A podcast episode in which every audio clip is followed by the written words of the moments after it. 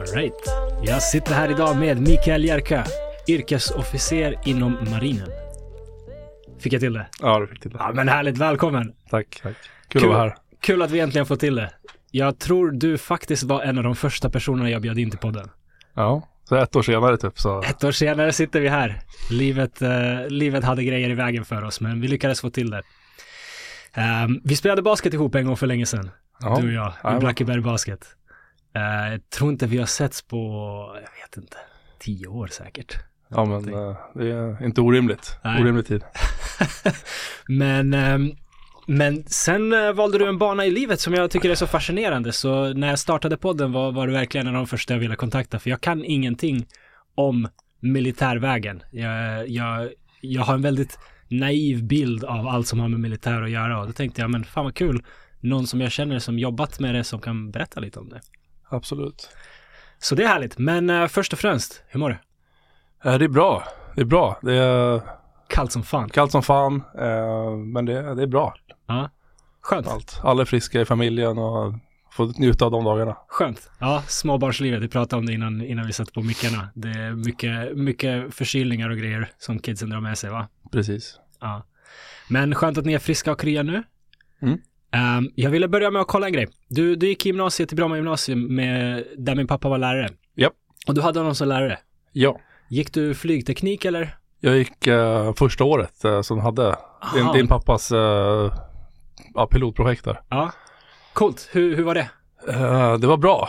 Det var, var riktigt bra. Eh, jag minns den tiden eh, som en väldigt bra tid. Det var ja, men som ja, ung vuxen eller ja, sena tonåren liksom och få göra de grejerna vi gjorde. Så vi åkte bland annat på en Ja, det jag minns bäst, det var att vi åkte på en studieresa upp till Leksand och fick liksom flyga flygplan själv. Ah, nice.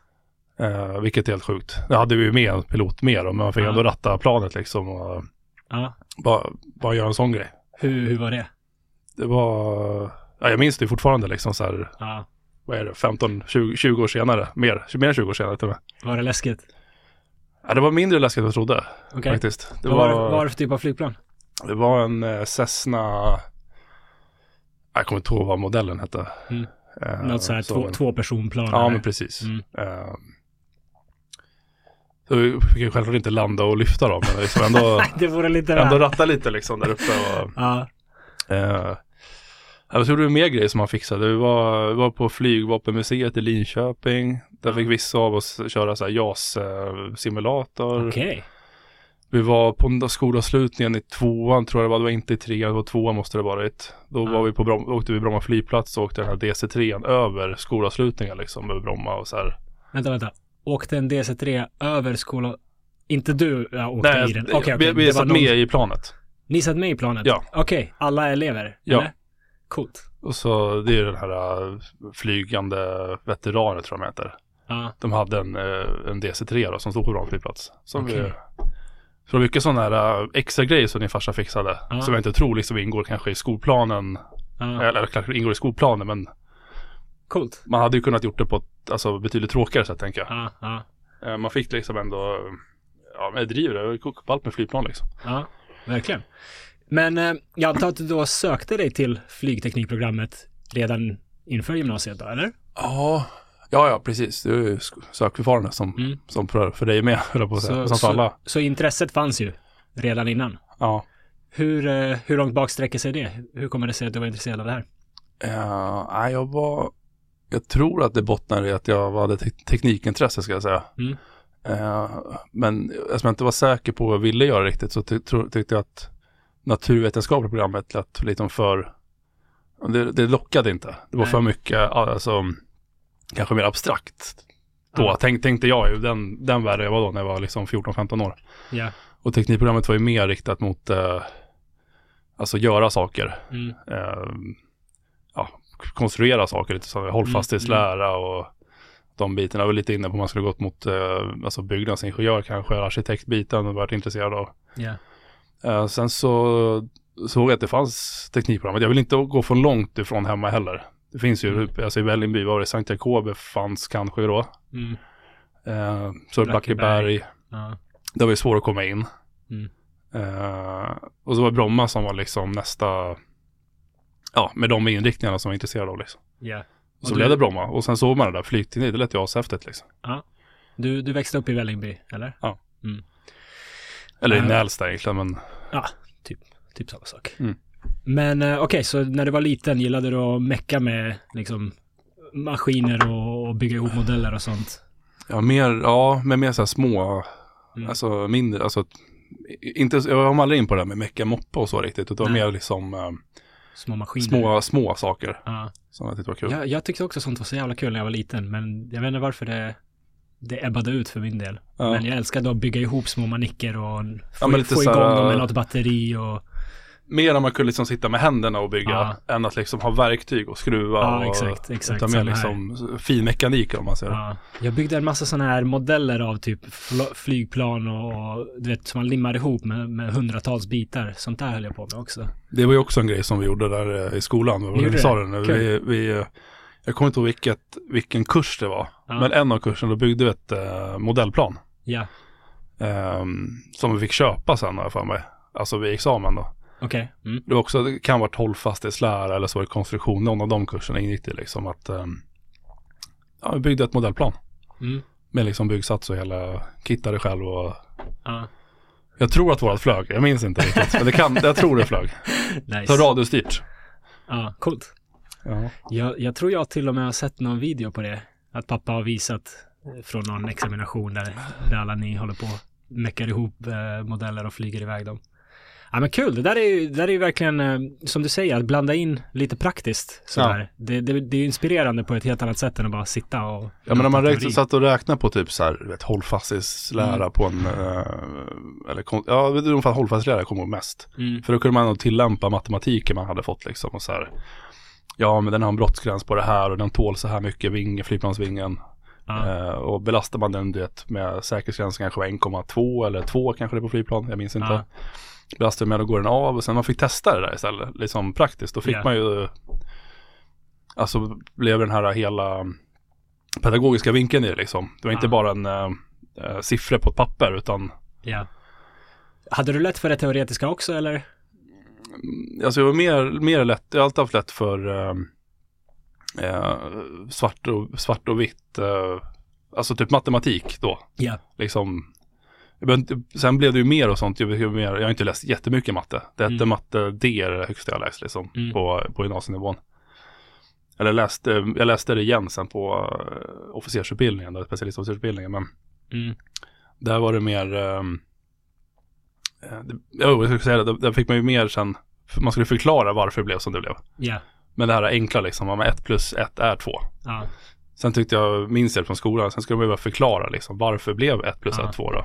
Ja men, jag vet inte om du känner igen det där själv, men Ja, jag, jag, gick, det blev mer och mer, istället för sådana här vissa mer Ja. abstrakta svenska och sånt var mycket sämre okej, man skulle ja, skriva saker och, Ja. alltså under skoltiden. Ja, jag gick ju ingenjörsutbildning så Ja. mat, matte har det blivit en del av. Ja men precis, alltså jag fattar det. Men Ja. just det där, äh, det är väl ännu mer så. Varför, Ja, det blir- varför stämmer den här så teorin? Abstrakt. Ja, precis. Be be bevisa teorem och sådana där Så grejer. att jag har ju bara Mm. läst liksom gymnasiematte. Så Ja. det är så här, Skönt. Du har inte missat något. nej. nej, Nej, jag vet inte. Jag, jag är väldigt tacksam för all matte jag har studerat. Även om jag inte någonsin kommer använda det i praktiken så är det det, det utvecklar ju en sätt att tänka på ett... ja men, det, ja, men precis, sätt, precis. Men det är också så här, det blir också lite absolut. Ja. Alltså det är, det här är så. Ja, Eh, istället för liksom eh, resonera, liksom varför är det så? Uh, ja, men jag kommer inte på några bra ämnen, men ta typ uh, samhällskunskap. mm, Varför ser ut statsskicken ut som de gör? Var, vad är historien Mm. bakom det? Varför, alltså ska man typ ha ett resonemang? Eller det tyckte jag var... Det är mer intressant nu som vuxen. ja, Liksom omvärldsutveckling och eh, vad händer i världen? Eh, var, varför blev det så? Varför si och så liksom? Men exakt. som eh, tonåring liksom. Då, ja. Då var det skönt med svar. ja. Ja. Det, det är så här, punkt. Ja, jag håller med. Jag, jag gillade verkligen med matten att man kommer fram till ett svar och sen har man förstått hur de problemen löses. Det var inte så mycket att plugga heller då. Det var så här, jag ska göra den här sidan med tio uppgifter. Ja, jo, sant. Men, men det Klarar känns... du de tio, då kan du ju det. Ja, när, du, när det väl har klickat. Ja, För det är ju en sak att bara nöta talen på, på automatik, men en annan sak att förstå varför svaret blir det det blir. ja jo, det är sant, det är Och sant. det kände jag var så skönt med matte, att man kan plugga, det, det kan ta en stund eller så går det fort, men när det väl har klickat, då har det klickat. Då, då förstår man det där. Då kommer man kunna lösa varenda uppgift av det slaget. Och det tyckte jag om med matten, att det, man kan faktiskt komma till en nivå då man förstår det Ja, men, ja, och inte behöver ha en massa utantillkunskap, utan så här, ja, För man jämför det tyckte jag med att plugga typ så här, ja men historia. mm, Nej, historia läste jag inte. Ja, men det, det kanske är typ grundskolan till och med bara. mm, Men du vet så här, vilka datum hände det här? ja, N- Vad, när blev det här, alltså, ja, när tillträdde Gustav Vasa? När, alltså, hela den, du skulle behöva massa memorera massa årtal och jag kan inte säga att man kan det. nej. Liksom- Nej, det blir ju bara nöta in det. Det kommer ju mer sen direkt som blir efter roligare tentan- jag. Direkt efter tentan så har man glömt bort allt liksom. För Ja, att men det är lite så, så. onödig kunskap. Lite Vilket så. år blev Gustav Vasa kung liksom? Vem Ja. fan bryr sig? Kolla upp det. Ja. Sen blev det ju tydligt liksom att ja, vi firade 500 år förra Ja. året liksom. Så att, Ja. Ja, det är intressant vad man, vad man hamnar i. Jag, eh, min bror är advokat, Mm. så han var ju, det, det är raka motsatsen. Jag följde ju hans utbildning och han kom ju hem med liksom högar med tjocka, tjocka böcker Ja. som man behövde liksom nöta igenom och memorera.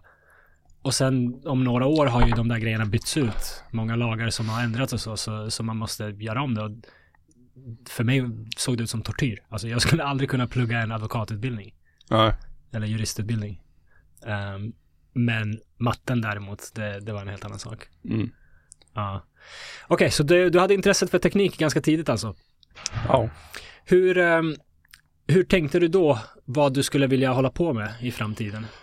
Ja, Då tänkte jag, jag visste inte. Eh, Mm. Problemet var att jag saknade, det var ju matte E som man behövde ha. Jag vet inte vad det heter idag, men det var Mm. liksom den högsta gymnasiematten väl egentligen, tror jag. Eh, för att kunna läsa så här, eh, ja, civilingenjörsutbildning på KTH egentligen då, mot eh, maskin, Ja. Maskinteknik var det som var, eller konstruktion, jag kommer inte ihåg vad de heter, men liksom att gå in mot flygtekniker, Mm. Alltså ja, du, professionen du var då. intresserad av att fortsätta på det spåret alltså ja, men lite, ja precis. Ehm, så jag sökte um, tekniskt basår. Mm. Eh, för då läste man upp dem där. Och så Ja. hade man, tror jag då, en garantiplats liksom på att ehm, men så blev det inte.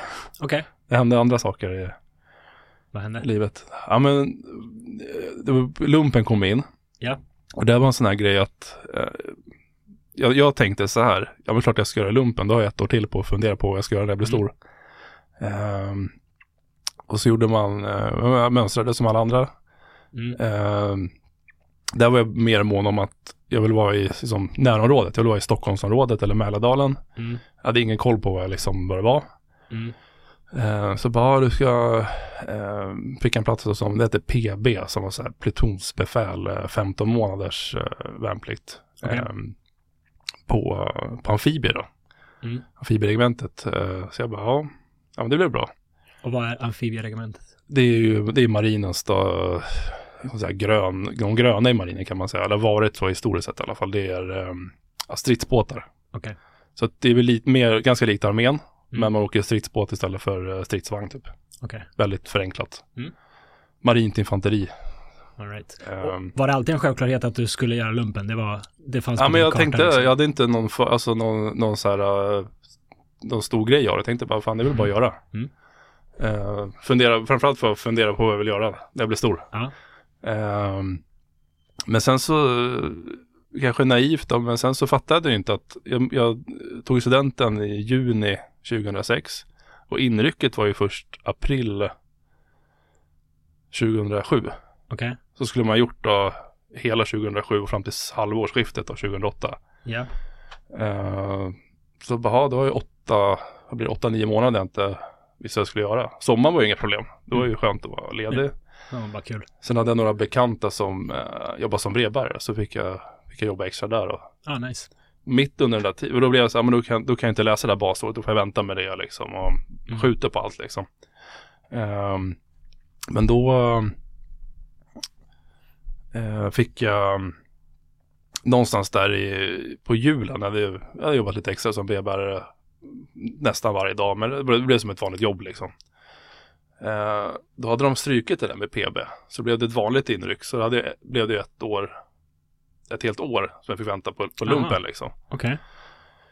Eh, men så bara, det är ju så, då får jag jobba kvar på posten då liksom. De hade strykit det, alltså de, de flyttade dig till någonting annat eller? Ja, men de, de tog bort 15 månader så, så det blev en 11 månaders. Ja, hela, den, så hela det in programmet eh, togs bort. juli istället då. Mm, okej. Eh, de gjorde väl en, det är en omstrukturering egentligen. Då har jag lärt mig efteråt då. Med, sen är det ju, eh, alltså, hjulet är ju runt. Nu är det ju, finns det ju 15 månaders typ igen. Okej. Eller jag vet inte hur långa de är, men det finns de som, eh, ja de som gör värnplikten idag kan ju göra långa och korta. Tror Okej. att det är mellan 11 och 7 månader. Beroende Okej. på vilken så här. All right. Men för dig, då ändrar de från 15 till ett år. Ja, så precis. Det blir ju ett år. senare. Ja. Ja. Ehm, men då gjorde jag det. Och sen så, jag väl var i lumpen, då var det ju så här, shit, det här var ju inte vad jag förväntade mig liksom. Dels så var det ju marinen, det hade jag inte en koll på. Alltså, jag, hade, ju- Mm. Jag var dåligt eh, förberedd på det sättet. Mm. Eh, omställningen till det där. Ehm, men där någonstans så var det också så här, dels så tror jag att, jag tror att många tänker så, aldrig mer, Mhm. tror jag. Nu sitter man här liksom 20 år senare typ och jobbar med det, men Ja. Ehm, men där någonstans när jag muckade då, sommaren 2008, så jag säga den tiden var ju ganska omvälvande också, liksom att Ja. det händer ganska mycket. Man, man får en helt annan, eh, man sätter det i perspektiv, man är van, jag har ju bott hemma, man har liksom mamma och pappa, de lagar mat, man får liksom, även om vi betalade hemma så hade man ju mat på bordet, allt var ju så här.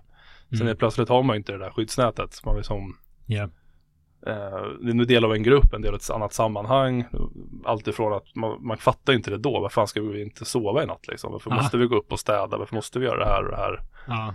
Sen kopplar man liksom, jag gjorde det lite senare. Okej, men det är ju för att ja, vi ska undvika kanske eh, sjukdomar. Då måste det vara städat och det är disciplin och det är man ska ha ordning på sina grejer. Det ska se ut på ett visst sätt för då skapar en säkerhet, en trygghet att eh, ja, skåpet ska se ut på ett visst sätt. Det ska vara vikt på så här och Ja. Eh, Min lägenhet idag ser inte ut så. Så ska jag säga. Det är inte så att jag är skadad på det sättet. Men Ja. Det höll inte i sig hela vägen. nej, det funkar på arbetstid. Ja. Liksom, så, men eh, eh, men då, då när jag muckade, då sökte jag igen då. Nu ska jag fan läsa det här tekniska basåret. Ja. Men sen så framåt hösten, då, då hörde ju han som var min plutonchef i lumpen hörde av sig liksom och frågade typ så här, ja men är du sugen på att jobba ett år som eh, alltså instruktör eller lärare typ Mm. befäl då åt de som rycker in då Okej. efteråt. Och jag var med så här, ja, jag, jag vet inte. Mm. Jag har ju tänkt att söka det här nu liksom och kom in. Jag började till och med plugga fysik B då Mm. på komvux. Eh, liksom hade, lite som nu, har jag gjort det här. Men jag, var ändå, jag sa aldrig nej till det där jobbet, så det var mer så här, ja, resonerade lite att ja, det ser bra ut i CV kanske, som, som 20-åring, 21-åring eller vad då. Som att, ja man har jobbat i försvaret liksom. Så. här. Mm. Eh, men sen så går det några veckor, sen typ i höjd med julen, då får jag typ en, eh, eller strax innan jul, då får jag typ en, eh, som jag upplevde lite som en inkallelseorder. Det var inte det, men det kändes som det typ. Mhm. Du ska vara vid den här lokalen typ 10 januari klockan 8.00 insutten på den här platsen liksom. Okej. Eh, och alltså man går från liksom totalförsvarsplikt där det är plikt, det är som skolplikt liksom, jag måste Ja. vara där. Då har man ju den referensen, så kunde man ju skitit i det såklart då, men så jag Okej. bara, ja men fan, jag, jag kör på det här, det är ett jobb. Är det ett eh, medvetet sätt av dem att få en att ändå tacka ja eller vad? Ja, jag vet inte, det var, jag tyckte det var intressant liksom, för jag minns ju fortfarande den, den dialogen, jag tror på väg ut till Ekerö och skulle, um, när jag fick det här samtalet då, Ja. Alltså i första läget, typ oktober, november någonstans. Mm. Ute i Ekerö och skulle eh, träna eh, pojkar och flickor 06 som var liksom juniorerna i, eller de yngsta som fanns där i, i, um, i Blackebergs, alltså knattebasketen typ. Ja. Så pratade jag med, "Ja, jag ska in på träning nu liksom, men eh, ja, typ kul att du ringde, jag får fundera på det liksom. Mm. Och sen så sagt går det eh, typ en, två månader och så får man det här brevet. Mm. Så nu har jag ju funderat, kanske de tänker, alltså, Ja. men jag bottnar väl i att, vad fan, jag kör. Ja. Eh, och det var eh, kul Ja. faktiskt. Det var, för då, det, så, då, då, första halvåret på det jobbet, då gick ju den här PB-utbildningen egentligen. Alltså Mm, instruktörsutbildningen, den, den man inte fick. sist. Utan då Mm. gick den som då anställd istället. Okej. Eh, Och, då- och, och, och i samma veva var du instruktör alltså för Ja, de som ryckte in i lumpen sen då ett halvår det, det senare ungefär. Hade, det som du hade gjort liksom. Ja, men exakt, Mm. exakt. Eh, ett befäl över dem, Ja. instruktörer. Typ. Både, men innan de ryckte in, då hade man ju några månader innan man jobbade. Då gick jag den här eh, som befälskursen, eller vad man ska kalla det för. För Mm. att kunna ja, ha någon form av ledarskap, pedagogik och kunna liksom utbilda dem. All right. Eh, och då fick man se från andra hållet liksom att Ja. du vet, de Kul. kommer in i, i min roll, då, det här är två år sedan jag själv ryckte in, när de ryckte in. Ja. Eh, och vilsen liksom har allt det här eh, skyddsnätet borta Mm. till att se dem liksom utvecklas till ehm, Mm. ja, ja, krigsmän egentligen, eller krigskvinnor. Coolt. Och om vi börjar med din eh, första kontakt då, med, i, i, inom lumpen. Minns du dina känslor? Var det liksom läskigt? Var det, var det svårt? Var det väldigt psykiskt krävande? Hur, hur, hur, hur gick det? Alltså, jag hade ju trott att, jag hade någon förutfattad mening att fan, militären i Sverige, det kan ju inte vara så jävla jobbigt, eller lumpen i det här fallet. Mm. Det är ju bara, det klarar ju alla av. Det var ju, man som en, fortfarande som en lite, som, sommarkollo. Ja men lite så, det var Ja. lite min förutfattade bild liksom. Men så, så, då när jag ryckte in, då var det det var juli, Mm. det var högsommarvärme. Eh, då ska man gå liksom, man kommer in där och så här vill, så, aha, det, jag har ju inte en aning om, precis som du frågar mig nu, vad, vad, vad är det för något? Mm. Jag visste inte om att det var, men det är jättestort liksom regement ute vid, ja, utanför Haninge egentligen. Mm. Eh, stor, eh, ja, stort område liksom. Ja. Så bara, aha, man fattar ingenting. Eh, och så typ går man till ett förråd där man ska hämta alla här grejer. Mm. Och det är ju ganska mycket grejer. Det är liksom strumpor, det är innestrumpor, det är ytterstrumpor, det är uniformer. Eh, det är eh, ja, förstärkningsplagg. Då liksom, det slutar med att man har såna här, eh, jag tror fyra väskor med liksom, eller säckar med utrustning. Det är ju Ja. kängor, vinterkängor, det är stövlar. Ganska tungt liksom. Ja. Och så har man, och så får man ju bära på de där. Ja. Liksom försöka få med det och så, så går man ju typ, och lägga på det att det, det är typ 25-30 grader och sol. Ja. Och det känns som man ska gå en evighet sen från förrådet och det är stressigt. Ja. Men det är ju typ bara så här 200 meter från förrådet tills äh, våran förläggning liksom. Ja. Och man bara känner hur bara, det bara, alltså man bara dyngsur över hela kroppen liksom. Man, man har inte ens kommit in än. Då får man lite, shit vad, vad är det här? Ja. Är det här jag ska vara ett år nu liksom? Eh, och så typ kommer man in och så bara får man på något vänster, bara men du ska slagga här liksom. Så är det så här eh, en byggnad, så är det eh, logement kallas det då. Så sover man åtta pers, hade vi våra logement då. Mm. Så bara, men här står mitt efternamn. För det, det är ju som enkelt. Jerka har ju alltid blivit kallad för det även i basketen. Så det var, Ja. så här, det var ju något som man kände igen i alla fall. Ja. Eh, så bara, ja men här är din plats. Sen hör man någon, någon skrika utifrån gården liksom, uppställning. Så jag bara, jaha, står man där dyngsur, ing, alltså typ, typ sådana här vanliga kläder på sig. Ja. Jag bara, "Ja, vad fan ska de på sig då då? Så är det någon, någon som varit där lite tidigare än mig, som börjar hjälpa mig. Ja. Eh, bara, men du ska ta på dig kängorna och ska så här. Så jag lyckas ju få på mig allt, eh, tror jag. Eh, så bara springer man ner och så får man en, börjar man få typ en utskällning för att jag har ingen mössa på, på mig då. Mm. Alltså den här kepsen liksom. Så bara, ja, eh, och så pågår det liksom i typ i två veckor. Man Ja. ryckte in och så var det en två veckors eh, cykel innan man fick komma hem. Ja. Helt så här, uh, fattar inte vad som hänt liksom. Ja. Man bara drar, Ingen dras återhämtning med. liksom, utan det, man bara, det bara kördes. Mm. Eh, för det blev ju så att man, man kunde ju sluta, nu kanske man sov lite mer någon dag, men det kunde ju vara tjänst då fram till eh, ja, men 22, 23, Mm. midnatt. Sen kom de in och sparkade in dörren vid 05, för då skulle man ju ha den här städrutinen. Ja. Och så liksom, så att det var liksom ingen trygghet i att nu kan jag liksom chilla. Ja. Ja. För det fanns ju ett så här, eh, de kallar för dagrum, men det är så här ett, typ en, eh, ett vardagsrum med en Mm. tv och biljardbord och så här. Mm. Så jag tänkte, jaha, varför finns den här? Vi får ändå inte vara där liksom. Det är Bara för jävla smäll. och så att man skulle sy på märken på uniformen och sådana här, um, Ja. kanoner av virus som skulle sitta på för att, ja, symboliken, det heraldiken egentligen, vilka vi är. Ja. Uh, så när man kom därifrån då bara så här, sätter sig på pendeln fredag efter liksom 12 dagar där inne. Mm. Och bara shit, det här ska jag göra i typ så här 50 veckor till eller vad det är, 45 veckor till. Tufft. Och så vad- den, den söndagen när man ska tillbaks, då var det så här, Jaha. kommer jag orka det här. Eh, då fortsatte det, då var vi ute i fält, fortfarande hög sommarvärme. Ja, Samma sak där, ingen sömn och det var bara, man skulle käka så här frystorkad mat, det var stressigt. ja. Eh, Vad- och vad är det ni gjorde liksom mer specifikt? Ni var ute, ja, men första två veckorna ska jag säga, då, då är det mycket så här eh, ordning och reda. Ja, Liksom skåpet, det ska vara städat, man ska ha putsade kängor, man ska liksom raka sig. mm. Det är morgonvisitation på liksom hygienen. Eh, då går liksom, står man uppställd och så går det ett befäl runt och kontrollerar din rakning. Mm. Jättekonstig situation. Eh, det är något helt, helt annat vad jag, jag sett det på film typ. Mm. Men nu står man där själv och bara ska tilltala någon, eh, något högre befäl. Mm. Jag bara, ja jag har rakat mig idag liksom.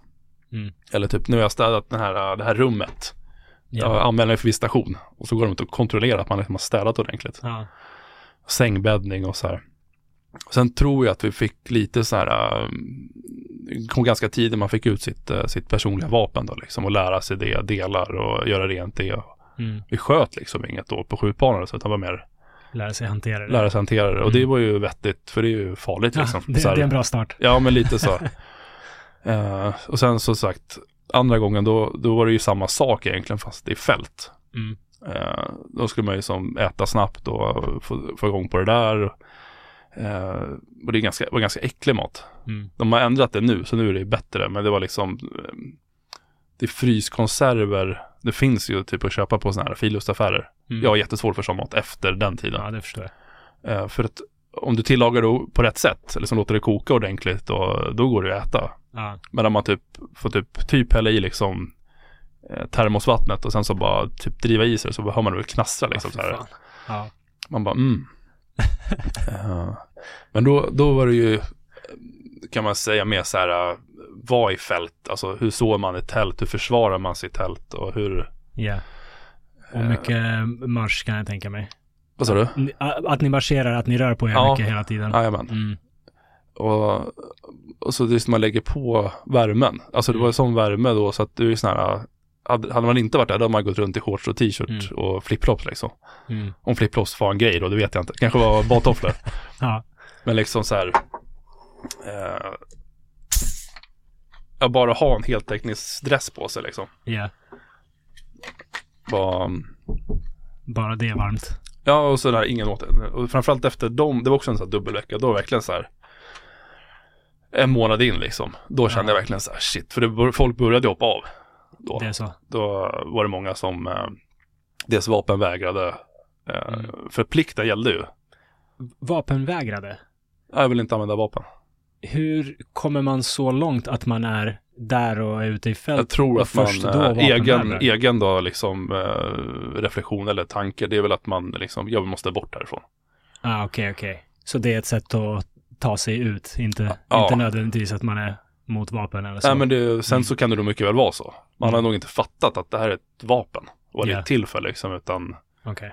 Eh, men vissa av dem kommer ju fria så att säga då. Mm. Eh, jag tror att mitt värnpliktsår var sista gången de fick fotboja för att de bröt mot eh, pliktlagen. Fotboja för att de bröt mot... Alltså det var ju, alltså Ah, just just lagen var säger ju att om du du måste, blir inkallad så måste du. jag vet inte, hur, hur, hur slapp du undan? jag, jag bad om att prata med psykolog det första jag gjorde på mönstringen. Ja, ja, Och ja, med min bakgrund från före detta Jugoslavien så kunde jag dra det kortet lite grann. ja, ja, ja. Att jag, för jag visste att jag, jag vill inte göra lumpen. Nej. Vilket jag nu tycker är synd. Nu, nu Det är inte för sent, att det är inte för sent. Ja, nej, kanske inte. Aldrig för se. sent. Det är aldrig för sent. Men, ehm, men jag visste då att jag vill definitivt inte göra lumpen. Så eh, jag bad om att prata med psykolog. Mm. Drog lite av min bakgrund. Sa det här att ja, jag, jag mår, mår dåligt av vapen och, och sånt. Och så sa hon ehm, okej, men om du ändå skulle bli inkallad då? Skulle du då vä- välja vapenfri tjänst? Och då satte hon mig i ett dilemma plötsligt, för om jag blir inkallad så vill jag göra det på riktigt. Ja, ja, ja. För jag, det är inte så att jag, jag, jag ville inte göra lumpen, men det var inte så att jag på riktigt var liksom, blev illamående av vapen. Så jag, så jag Nej. satt där och bara, fan, hur ska jag slingra mig ur det här? Jag bara, men eh, det är inte bara vapen, det är också uniformer och allt sånt liksom påminner mig om, om barndomen. Hon bara, ja men om du ändå måste välja att bli inkallad. Jag bara, nej fan, nu kommer jag bli inkallad till någon så här, gräva kanaler i Norrland eller Ja, lägga, elkablar eller någonting. Men jag fick just hålla till min story, så jag bara, ja då skulle jag välja vapenfri tjänst. Hon bara, okej, så vände hon sig och började knacka på datorn. Jag bara, fan. Men eh, så vände hon sig och sa, du, du slipper, du är i reserven. Ja, det är perfekt. För det var ju Ja. vissa av dem som var med ganska länge i lumpen. De fick ju, eller länge, men sju, åtta. Man börjar med så här tio veckor typ. eh, Ja. Var det då. eh, Det ser lite annorlunda ut idag då, men en så här grundläggande Mm. soldatutbildning liksom. Eh, någon mot slutet där, den fick ju då civilplikt. Mm. För den kom på då att den ville vapenvägra typ. Mm. Så det blev civilplikt. Ja. var, var uppe i typ Kiruna och klättrade telefonstolpar i ett halvår eller något sånt där. Exakt, det var det jag var rädd att jag skulle Sen kan man ju på. göra det, det, det behövs Ja, ju det, det, det är med. bra det också. Det är inget fel med det. Alla kan ju liksom hade bidra. Jag, hade, jag, kom- hade jag velat göra lumpen så hade jag velat göra lumpen på riktigt liksom. Så, Men det känner var ju så, även om det var pliktlag som du säger, så alla var väl kallade till mönstring. Men Mm. man kunde ju där bara, Ja. jag vill inte. Och så hade man exakt, exakt. Det, det fanns olika ju, det är sätt. lite liknande idag. Nu är det ju första hand frivilliga. Mm. Eh, framförallt nu när, när det ska växa så jävla mycket, eller tillväxt som är värdeordet då. Eh, som vår myndighet själva använder så. Tillväxt, Mm. ett roligt ord tycker jag. Ja. Ehm, men då är det först frivilliga. Eh, och sen för att fylla upp egentligen platserna typ, ja då går man på plikt. eh, Ja. Eh, sen har jag inte detaljerna exakt hur det där funkar, det ska jag säga, men Mm. så har jag fått det förklarat i alla fall. Liksom. Att jag, jag jobbar ju inte med det idag, så att jag, Nej, jag förstår. Men du, du var aldrig där att du kände att nej men jag kommer hoppa av eller? Jo, jo. eller jag, framförallt Du- efter du de uh, fyra, fem veckor in där, ja, då var det så här, nej för fan alltså. ja, Men sen kommer man över den här tröskeln.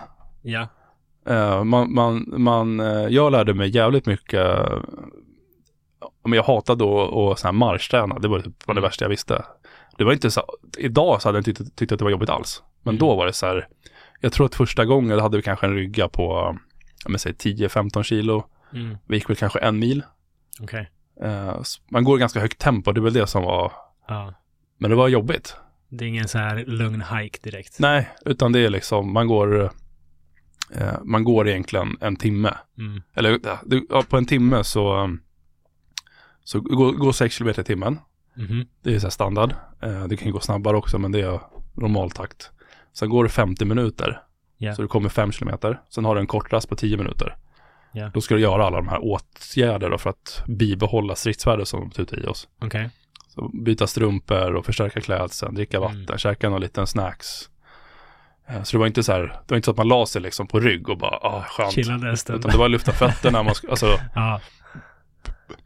det var skitjobbigt. Ja. Man vill ju bara typ, liksom, det, framförallt när det är varmt Ja. och du har den här äh, belastningen. Då vill Man bara man vill bara lägga sig och bara sköldpaddsläge liksom Ja.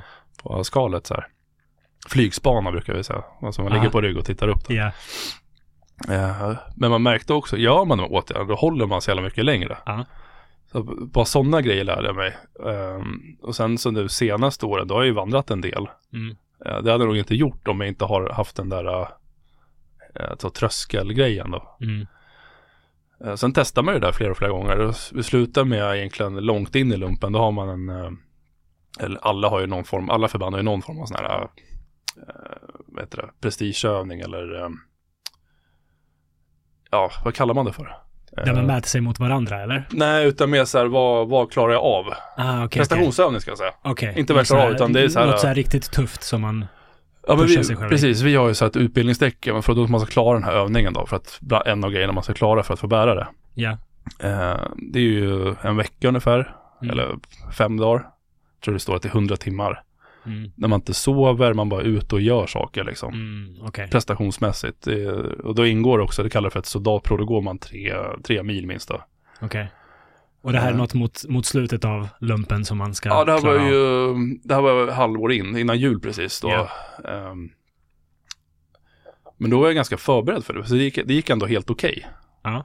Eh, men det var, då var det kallt istället. Mm. Men det här att inte sova, man, man, jag lärde mig uppskatta mycket saker, det ska jag säga. Alltså så jag fick Mm. med mig, och jag klar- kunde jag ju lärt mig att gå.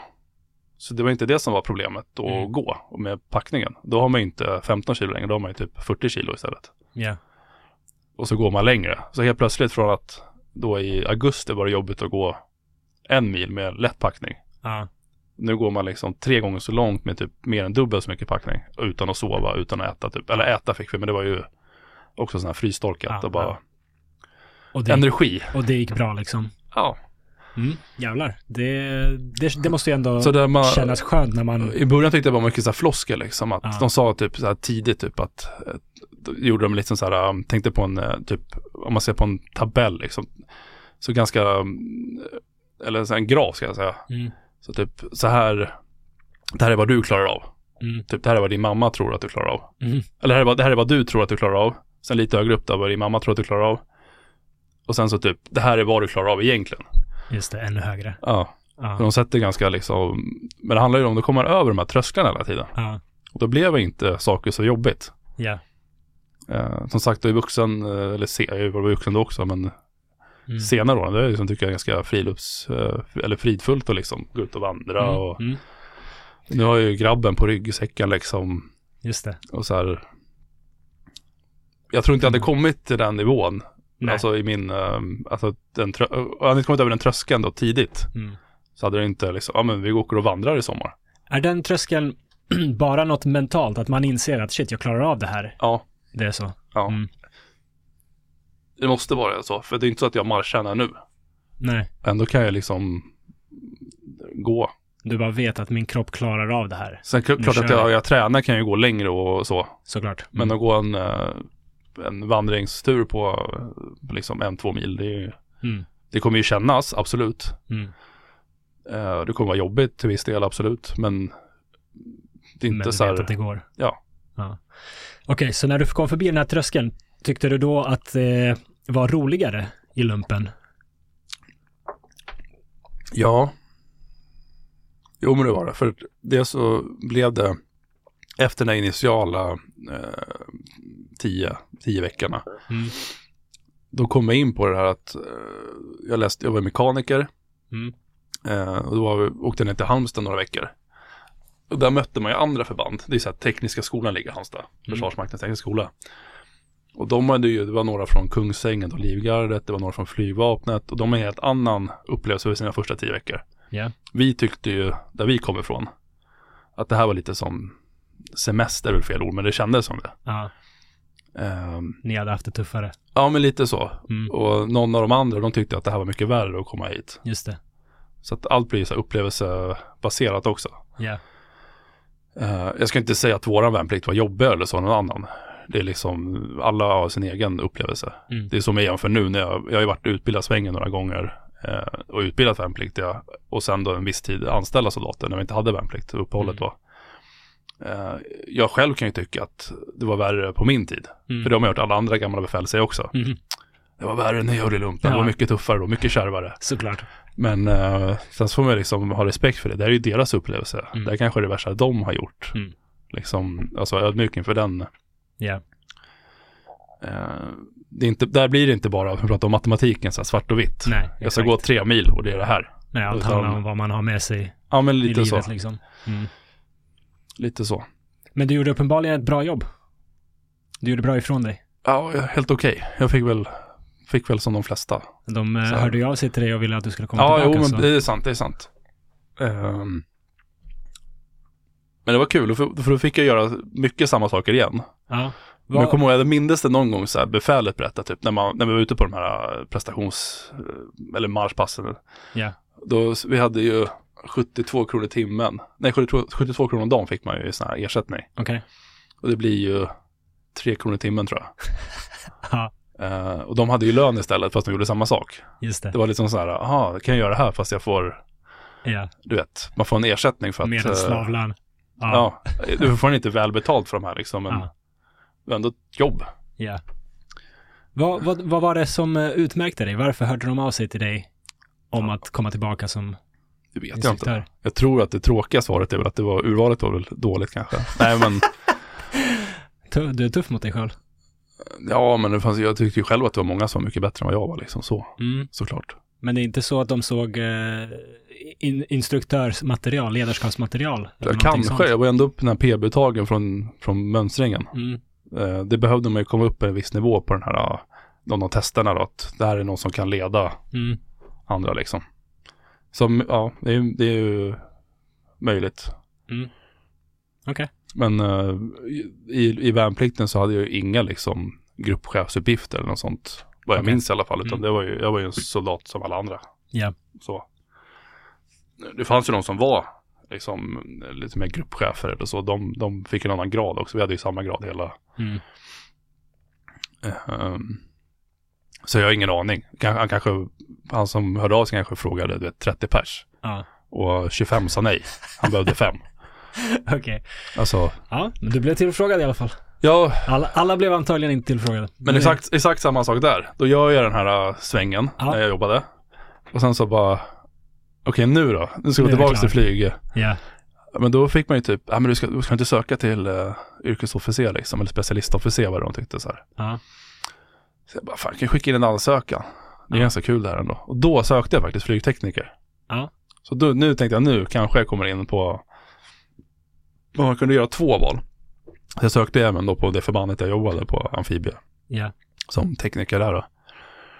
Ehm, sen blev det den här tryggheten, för jag, då visste jag vad jag fick. Jag kände, det började man ju känna ganska många i sin, nära, sin, sin egna enhet och så här, så befälen och officerarna. Mm. Eh, och flygvapnet då, då hade det varit typ Linköping, Ronneby som ligger nere i, ja, utanför Karlskrona, Mm. eller egentligen Trollhättan. Mm. Ehm, så bara, fan det är ganska skönt om man skulle vara kvar i Stockholm. Ja. Det var så här trygghetsgrejen liksom. Ja. Och det var Ja, amfibievägen. för, ja, precis. Så jag Mm. bara, men fan vi, vi tar det. Mm. Så blev det så. Okej. Sen var man ju, eller studerade ju i, i Halmstad då. Ja. Där hade jag min kadettutbildning och där, då läste ju alla tekniker där. Mm. Så att du läste ju med flygteknikerna också. Och vad läser man då? Hur, hur lång är utbildningen och vad, vad läser man? Specialistofficersutbildningen är ett och ett halvt år. Mm. Eh, så första terminen var det mycket sån här ledarskap och pedagogik och igen egentligen. Mycket av det jag hade läst på den här termin, eh, ja, termin noll kallar för det innan, alltså den här grupphögskolan jag gick där egentligen. Mm.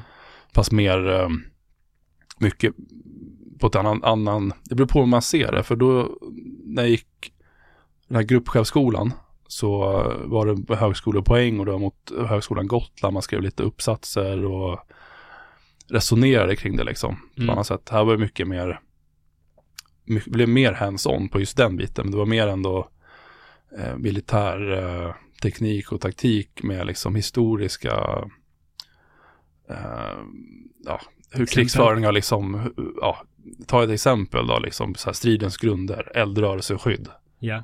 Det tänker vad är det liksom? Ja, sen fattar man ju då att okej, eld alltså verkan, du ska ha liksom verka mot något, du ska kunna ta skydd någonstans och du ska ha en rörelse i det. Ja. Annars kommer man tillbaka till så här första världskriget och eh, skyttegravskrig liksom. Mm. Man bara, det händer liksom ingenting. Mm.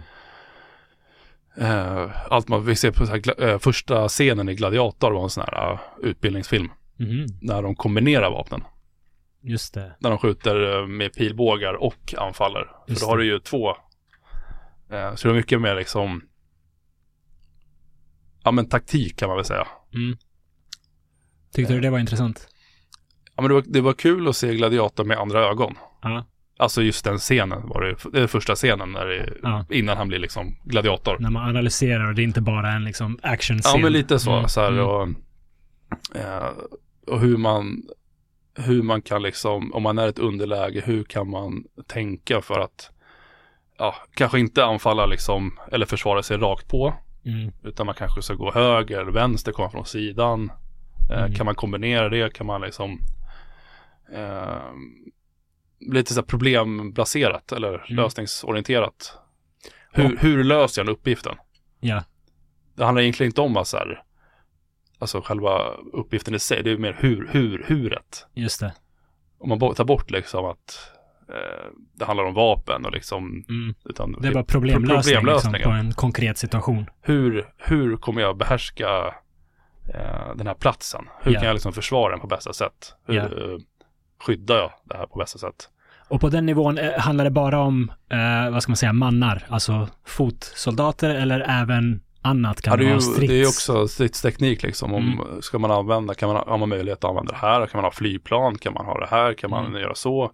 Okej. Kan man skjuta in granater först? Kan man göra så? så här. Så det är ändå ganska brett, vad ska man säga, Ja. red, redan där i yrkesofficerutbildningen. Ja, men lite så. Mm. Sen blir ju, eh, det var ju mest, mest teoretiskt där. Mm. Mm. Eh, Och då är jag specialist. Då ska man egentligen, alltså det är ju, du har ju den andra skolan på Karlberg. Mm. Eh, som blir taktisk officerare. Okej. Och vad, är- ja, eh, förklara skillnaden. Vad är specialist? Vad är eh, te- Tank, tanken är väl att, eh, det är inte riktigt så det ser ut. Men tanken är ju att den taktiska officeraren, det är ju liksom den som är chef. Okej. Och sen har, eh, alltså bestämmer vadet egentligen. Eh, Sen Bestämmer- har du vadet, alltså vad ska vi göra? Vad ska vi göra? Okej. Mm. Eh, sen har du specialisten som är, kan man, om man ser på en sportterm då, så är det en assistant coach eller ja, en, hur gör vi det? Just det. Liksom chefstöd och Mm. eh, ja, hur kan vi lösa uppgiften? Kan vi göra på, alltså vi, vi, ska, vi ska göra det här. Okej, Okej. vi kan lösa det på det här sättet, det sättet, det sättet. Olika alternativ liksom. Okej. Så det går chefen sätter strategin. Vad är det vi vill uppnå? Den, eh, den Ja. andra sätter eh, taktiken. Hur, hur uppnår vi det? Ja, men lite så. Mm. Eh, det, men sen, sen är det ju inte riktigt så i verkligheten. Nej, man samarbetar antagligen Ja. mycket mer. Mm. Och det är inte så att eh, den taktiska officeraren inte vet heller huret. Mm. Mm. Men tanken är att specialisten ska vara liksom ett chefstöd och eh, huret. Medan Ja. taktikern är som en chef. Mm. Bara olika ansvarsområden fast man samarbetar. Liksom. Ja, men lite så. Mm. Okej, och, och du var alltså på eh, specialistsidan, det vill säga, Huret. Hu- huret. huret. ja, okej. Fan vad intressant. Vad, Och sen vad, har man en specialistkompetens då, som jag var ju tekniker, så jag kunde göra, kunde Mm. la, laga saker egentligen. vad minns du från den tiden att du lärde dig som du kanske var förvånad över att, att så, här, så här kan man göra, det hade jag inte tänkt på innan liksom. Ehm, ja, alltså det är inte... Mm. Jag tror att det inte var, inget jag kom på faktiskt, så här, att det Mm. var det så här. Det, Mm. det jag liksom minns tillbaka, det var ju första terminen de hade de här eh, mer, mer eh, för det läser alla specialister, samma kurser egentligen. Men Mm. vi var nere i Bosnien. Eh, och jag vet att typ första veckan när typ skolchefen hälsade oss välkomna, då sa de att vi skulle till Bosnien. Då blev det lite så här, vad fan ska vi dit och göra typ? Mm. Alltså så här. ehm, men där fick man se, eh, vi var ju i Sarajevo, Mm. eh, så vi runt där, vi var där en vecka. Eh, men när vi väl på plats där, då fick man liksom se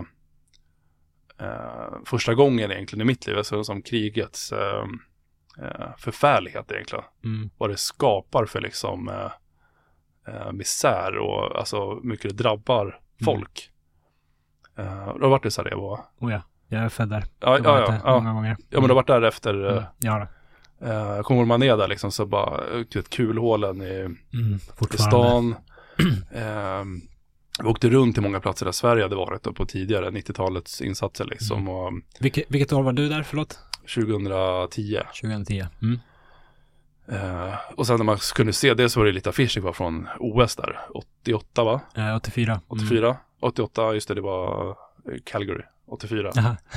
Och sen så är det som hur, ja, hur det har påverkat liksom. Man åkte Ja. upp till någon höjd utanför Sarajevo, de kallas för artillerihöjden liksom. Och typ, ja men här stod de och sköt Mm. som granater rakt in i stan. Och, Mm. och sen hela komplexiteten med de olika eh, sidorna liksom. Att, för fram till dess så tänkte man att men krig det är ju mellan två, två statsmakter eller två länder. Typ. Mm. Det är liksom Sverige och Danmark här. Liksom. Mm. Armé mot armé. Ja men lite så back in the days här. Men det var ju så här, ja men det var olika etniciteter, det var eh, det var så många nyanser av det liksom. Mm. Det var inte bara liksom bosnier mot serber. Mm. Utan det var, det fanns eh, den minoriteten i det landet och den minoriteten i det landet. De, och det här delen, de- de ansåg sig vara sådana och Mm. Eh, ja du vet det här bättre än mig. Jag ska inte, Ja, det vet jag inte, men det, ja, jag känner man- till man det. fick det är liksom en röra. komplexitet där Det är en nere, väldig liksom. röra där nere. Mm. eh, och sen så, eh, jag tror det var du som tipsade mig om den här filmen faktiskt. Den här uh, Mm. Once Brothers. Ja, jättebra dokumentär. Ja. ehm, En det Divac se- och serbisk och en kroatisk basketspelare som... eh, Ja. Vlada Divac och Vlade Petrovic. Divac och Petrovic. Ja. Petrovic stod en bilolycka sen va? ja, precis. Och liksom hur de, eh, ja, distans, de var ju, de var ju polare. Ja. Sen så bara, för den ena var Serb och kroat. va? Mm. Och liksom hur, ja jag tycker det, det, är, det är läskigt hur, hur, hur du kan liksom förändra Mm. eh, saker och ting liksom. Verkligen. Eh, det var nog första gången jag fattade att det här är ändå på riktigt liksom. Mm. Innan har jag ju bara liksom utbildat folk och Mm, kanske det. inte fattat att det här är någonting man kanske behöver liksom. Ja, även om det är på riktigt i utbildningen så är det ändå lek, övning. Ja men lite så, Det är alltså, vi, liksom, mm. det, är inte så att du var riskfyllt våran utbildning heller. Det var, jag hade en, en i lumpen som dog. Mm. Som var på fel plats och blev skjuten. Mm, fy fan. Liksom så här, men det var ju, alltså, Men det är ändå under kontrollerade former för det mesta. ja, Mm. men lite så, så att men det var ju ändå som, som träning. Mm. Det här är ju Exakt. liksom, varför finns vi egentligen då? Jo men det är för att typ det här inte ska hända. Mm. Och måste, måste vi eh, liksom agera och i vårat fall liksom skydda Sverige och våra intressen i det här landet. Mm. Ja, då är det mitt jobb. Ja. Liksom, Hur, hur kändes det? Alltså då, när det blev så äkta, men då, var det den plötsligt tiden också, tyngre, då var det lite så här också eviga freden fortfarande. Mm. Det här är ju innan liksom eh, ja, det som hade hänt i närområdet det är väl egentligen Georgien eh, 2008 liksom. Mm. Men det var ändå så här, Försvarsmakten var fortfarande liksom under nedrustning på ett sätt. Mm. Värnplikten avskaffades. Eller sattes på paus. Såg liksom inte, det som man såg framför sig var internationella insatser liksom. Nej. Alltså det var det som vi hade, det var ju Kosovo, Afghanistan eh, och andra liksom så här truppbidrag till eh, olika, ja, det var ju NATO-insatser men det var men liksom eh, ja, det var mer det man såg. Mm. Kanske ett äventyr att jag skulle kunna åka iväg och Mm. eh, även om det är på riktigt såklart då. Mm. Det är ju också så här, folk dör ju där också. Mm. Eller ja, svenskar också dött där. Men då var det inte här. Mm. Eh, Men sen är det som, det som hänt de senaste liksom, 10-15 åren. Ja. Så är det ju mycket mer påtagligt vad som händer. Bara att vi har en högre terrorhotnivå idag. Ja. eh, I det här landet liksom. Mm. Så blir det mer påtagligt. Och det är lite så här, det är ju, det är ju det är svårt att säga det, men det är ju kul på ett sätt att jobba i en verksamhet som, som får medel och får liksom, Mm. eh, det märks att det betyder något det man gör. Mm. Ja, men det blir mer relevant. plötsligt. Precis, men samtidigt är det ju tråkigt. Ja, det, Det hade ju, man alltså, vill inte att det ska vara mer jag relevant. inte vara, alltså, jag skulle Ja. vilja vara pacifist egentligen. Ja. Och bara, vi behövs inte. Ja, Lägg ner försvaret. det vore ju härligt. Alltså, liksom det här, eh, den här låten, En natt jag drömde liksom. Mm. Så vill man ju att det ska vara. Mm. Men det är inte så. Nej. Man får se det. Och det, det slog mig just där när jag var i Bosnien. Att fan, det här är, det är ändå bara, det är ju ingenting man lär sig i skolan. Nej. Det tyckte jag var konstigt, märkte jag. Kommer ihåg att jag tänkte på då. Att fan, jag tror skolan slutar väl typ med andra världskriget. Ja, Historia liksom. Ja, men typ i alla fall. Men liksom, det här var ju bara 15 år sedan. Mm. Eh, när jag var där, 2010, 15 år efter eh, Daytonavtalet tror jag Mm. Mm. 95. 95. Eh, det är 15 år. Mm. Och sen som var i Srebrenica bland annat och Vares och de här och så där. Eh, det var en anhörig i Srebrenica som berättade liksom det, om vad som hade hänt där. Mm. Stora folkmordet där. Ja. Eh, och det har man inte hört om. Jag hade inte hört om det i skolan i alla fall. Mm. Kanske inte var så, så vetgirig heller om sånt när jag var lite, alltså yngre, men ja, jag fick i alla fall en bild liksom att shit, det här är ju liksom betydligt närmare Mm. i tid. Samma eh, världsdel som vi själv lever i liksom. Mm. Ja, det är ju hemskt. Det är som man får, liksom, när man börjar liksom, framförallt en anhörig, hennes föräldrar och brorsa hade varit med där och Mm. Eh, jag var med i den massaken liksom. Mm. Och, um, mhm. ja, det var känslosamt. Fick det dig att känna starkare för att jobba med det här eller, eller började du tvivla på grund av det? Eller hur, hur påverkade det, det dig personligen? Eh, först tvivla lite tror jag. Mm. Men sen så har jag kommit mer till insikt att eh, jag kanske inte är så dålig på det här. Mm. Alltså så här, jag kanske är helt okej på att göra det här. Och någon, någon måste göra det. Mm. Eh, och liksom vad, ja men lite det här fundamentala, vi kommer alla dö någon gång liksom. Mm. Vad har jag gjort med mitt liv då liksom? Eh, och jag trivdes ju relativt bra med, för det är ju Ja men allt ifrån liksom teknikutveckling och så här. Det är ganska, som kommer tillbaka till, till, till teknikintresset liksom. Mm. Det är ganska många komplexa system och liksom förstå sådär. Eh, om man tar bort liksom syftet med det, men sen om man ser att eh, jag kan faktiskt använda det här till att göra någonting bra. Mm. Eh, så då, ja, sen som sagt, där och då så tog jag väl fortfarande inte riktigt helt på allvar heller. Mm. Eh, Som omvärlden såg ut på ett annat sätt. Mm. Eh, 2010-11 där. Det var sagt det jag såg framför mig. Då åker jag kanske någon tur till eh, ja, utomrikes liksom. Och, Ja. Blev det då? Blev det några turer till Afghanistan eller någon annan? nej. Nej? Eller jo, jag har ju varit utomlands men inte med, jag har varit i Mali. Okej. Vad... På FN, det var FN då. Okej, berätta om det. Vad, vad gjorde du där? Eh, där var jag på ett, eh, vi var i Timbuktu Mm. som eh, egentligen stor, det var en stor FN-insats. Som är helt avvecklad nu tror jag. Mm. Nej, jag, kan inte, jag vet inte, men Sverige är inte kvar. Okej. De åkte hem eh, ja, 20, början på 2023 egentligen, hållades flaggan. Mm. Ehm, men då var vi på ett spaningskompani egentligen. Och vi skulle inhämta eh, underrättelser egentligen om ehm, ja, de olika eh, vad kallar man det för?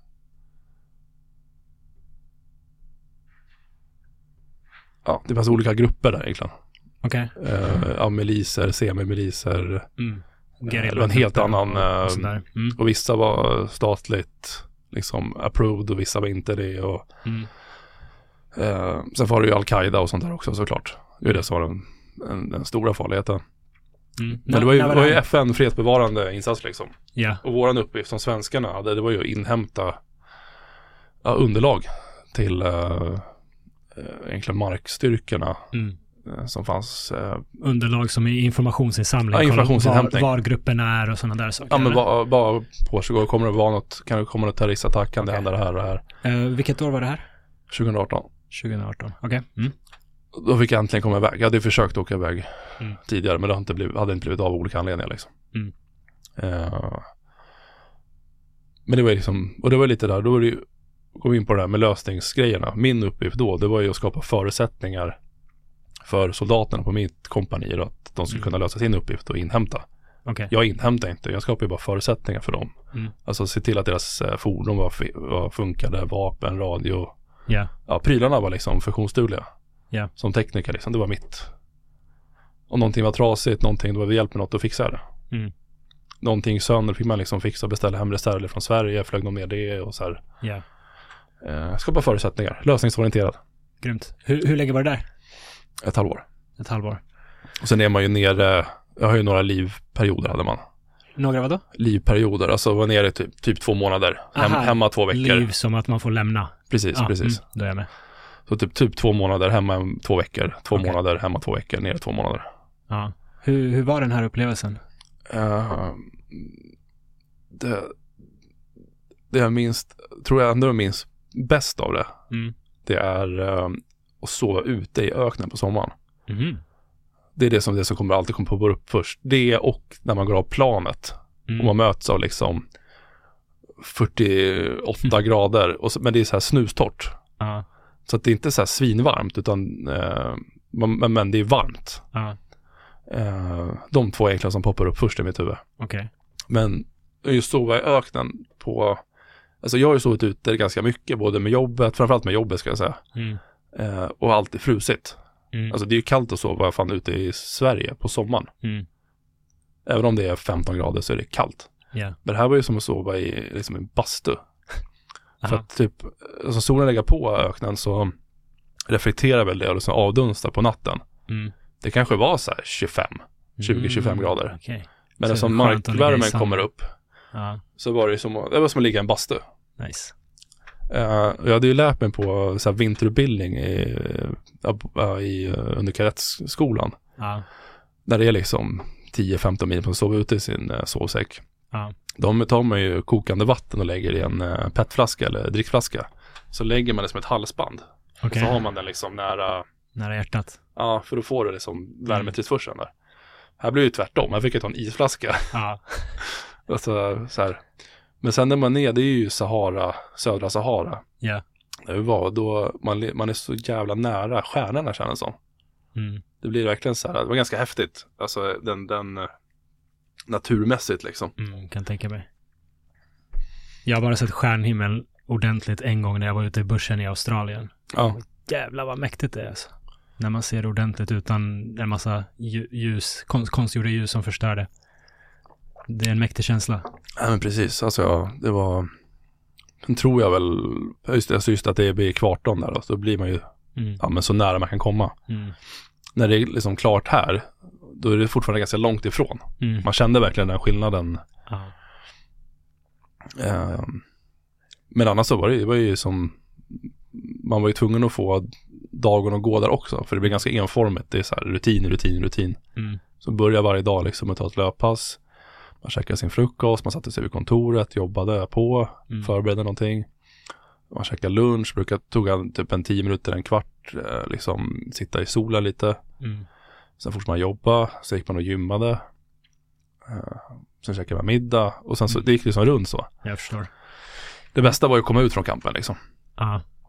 För det blir ju lite så här, eh, inte Big Brother, men lite på det sättet. Man är liksom Ja, man 200 är- pers-ish instängda på ett, Mm. Ett utrymme liksom. Mm, jag förstår det. När, när du gick ut då, vad, vad såg du, vad upplevde du? Ehm, mer öken. Ja. Eh, nej men det var fan mycket um, uppskattning av lokalbefolkningen. Mm. Framförallt barn. Mm. Ofta de kom fram liksom och var glada att vi var där. Mm, kul. Eh,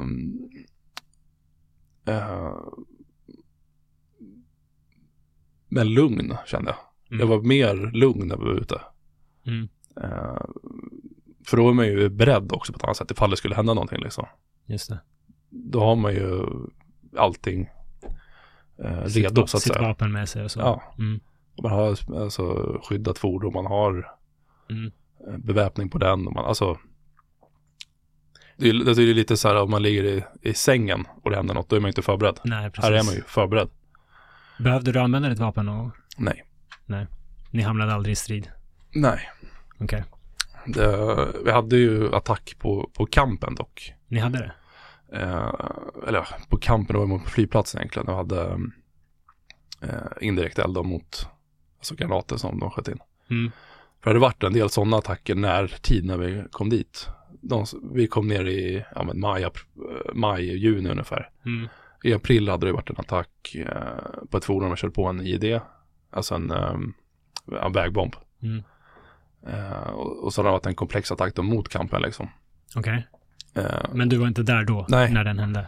Men sen när vi kom ner, då sköt de då granater mot oss. Och det, det var en ganska annorlunda och konstig situation för att vi hade ju en, inte ett försvar, men en, en ljudvarningssystem Mm.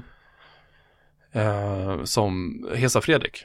Mm. Den har jag aldrig hört typ förut, förutom på så här utbildningsfilmer. Eller man hör den ju vad är det, varje, första, varje måndag. kvartal, Första måndagen eh, var tredje, ja varje kvartal. varje kvartal. Eller om det, någon, någon sånt är det ju, Ja. klockan tre liksom. Ja.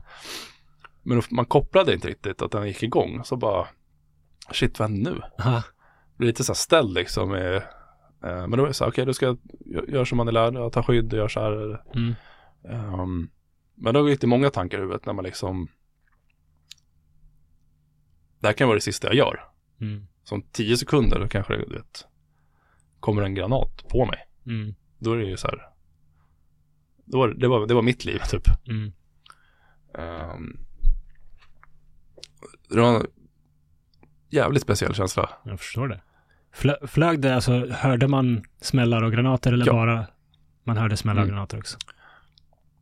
Mm. Hur nära? Eh, Jag tror det var fyra, 400 meter ifrån ungefär. Ja, då, då hörs det en del. Ja. Fy fan. Eh, Men det sjuka blev sen att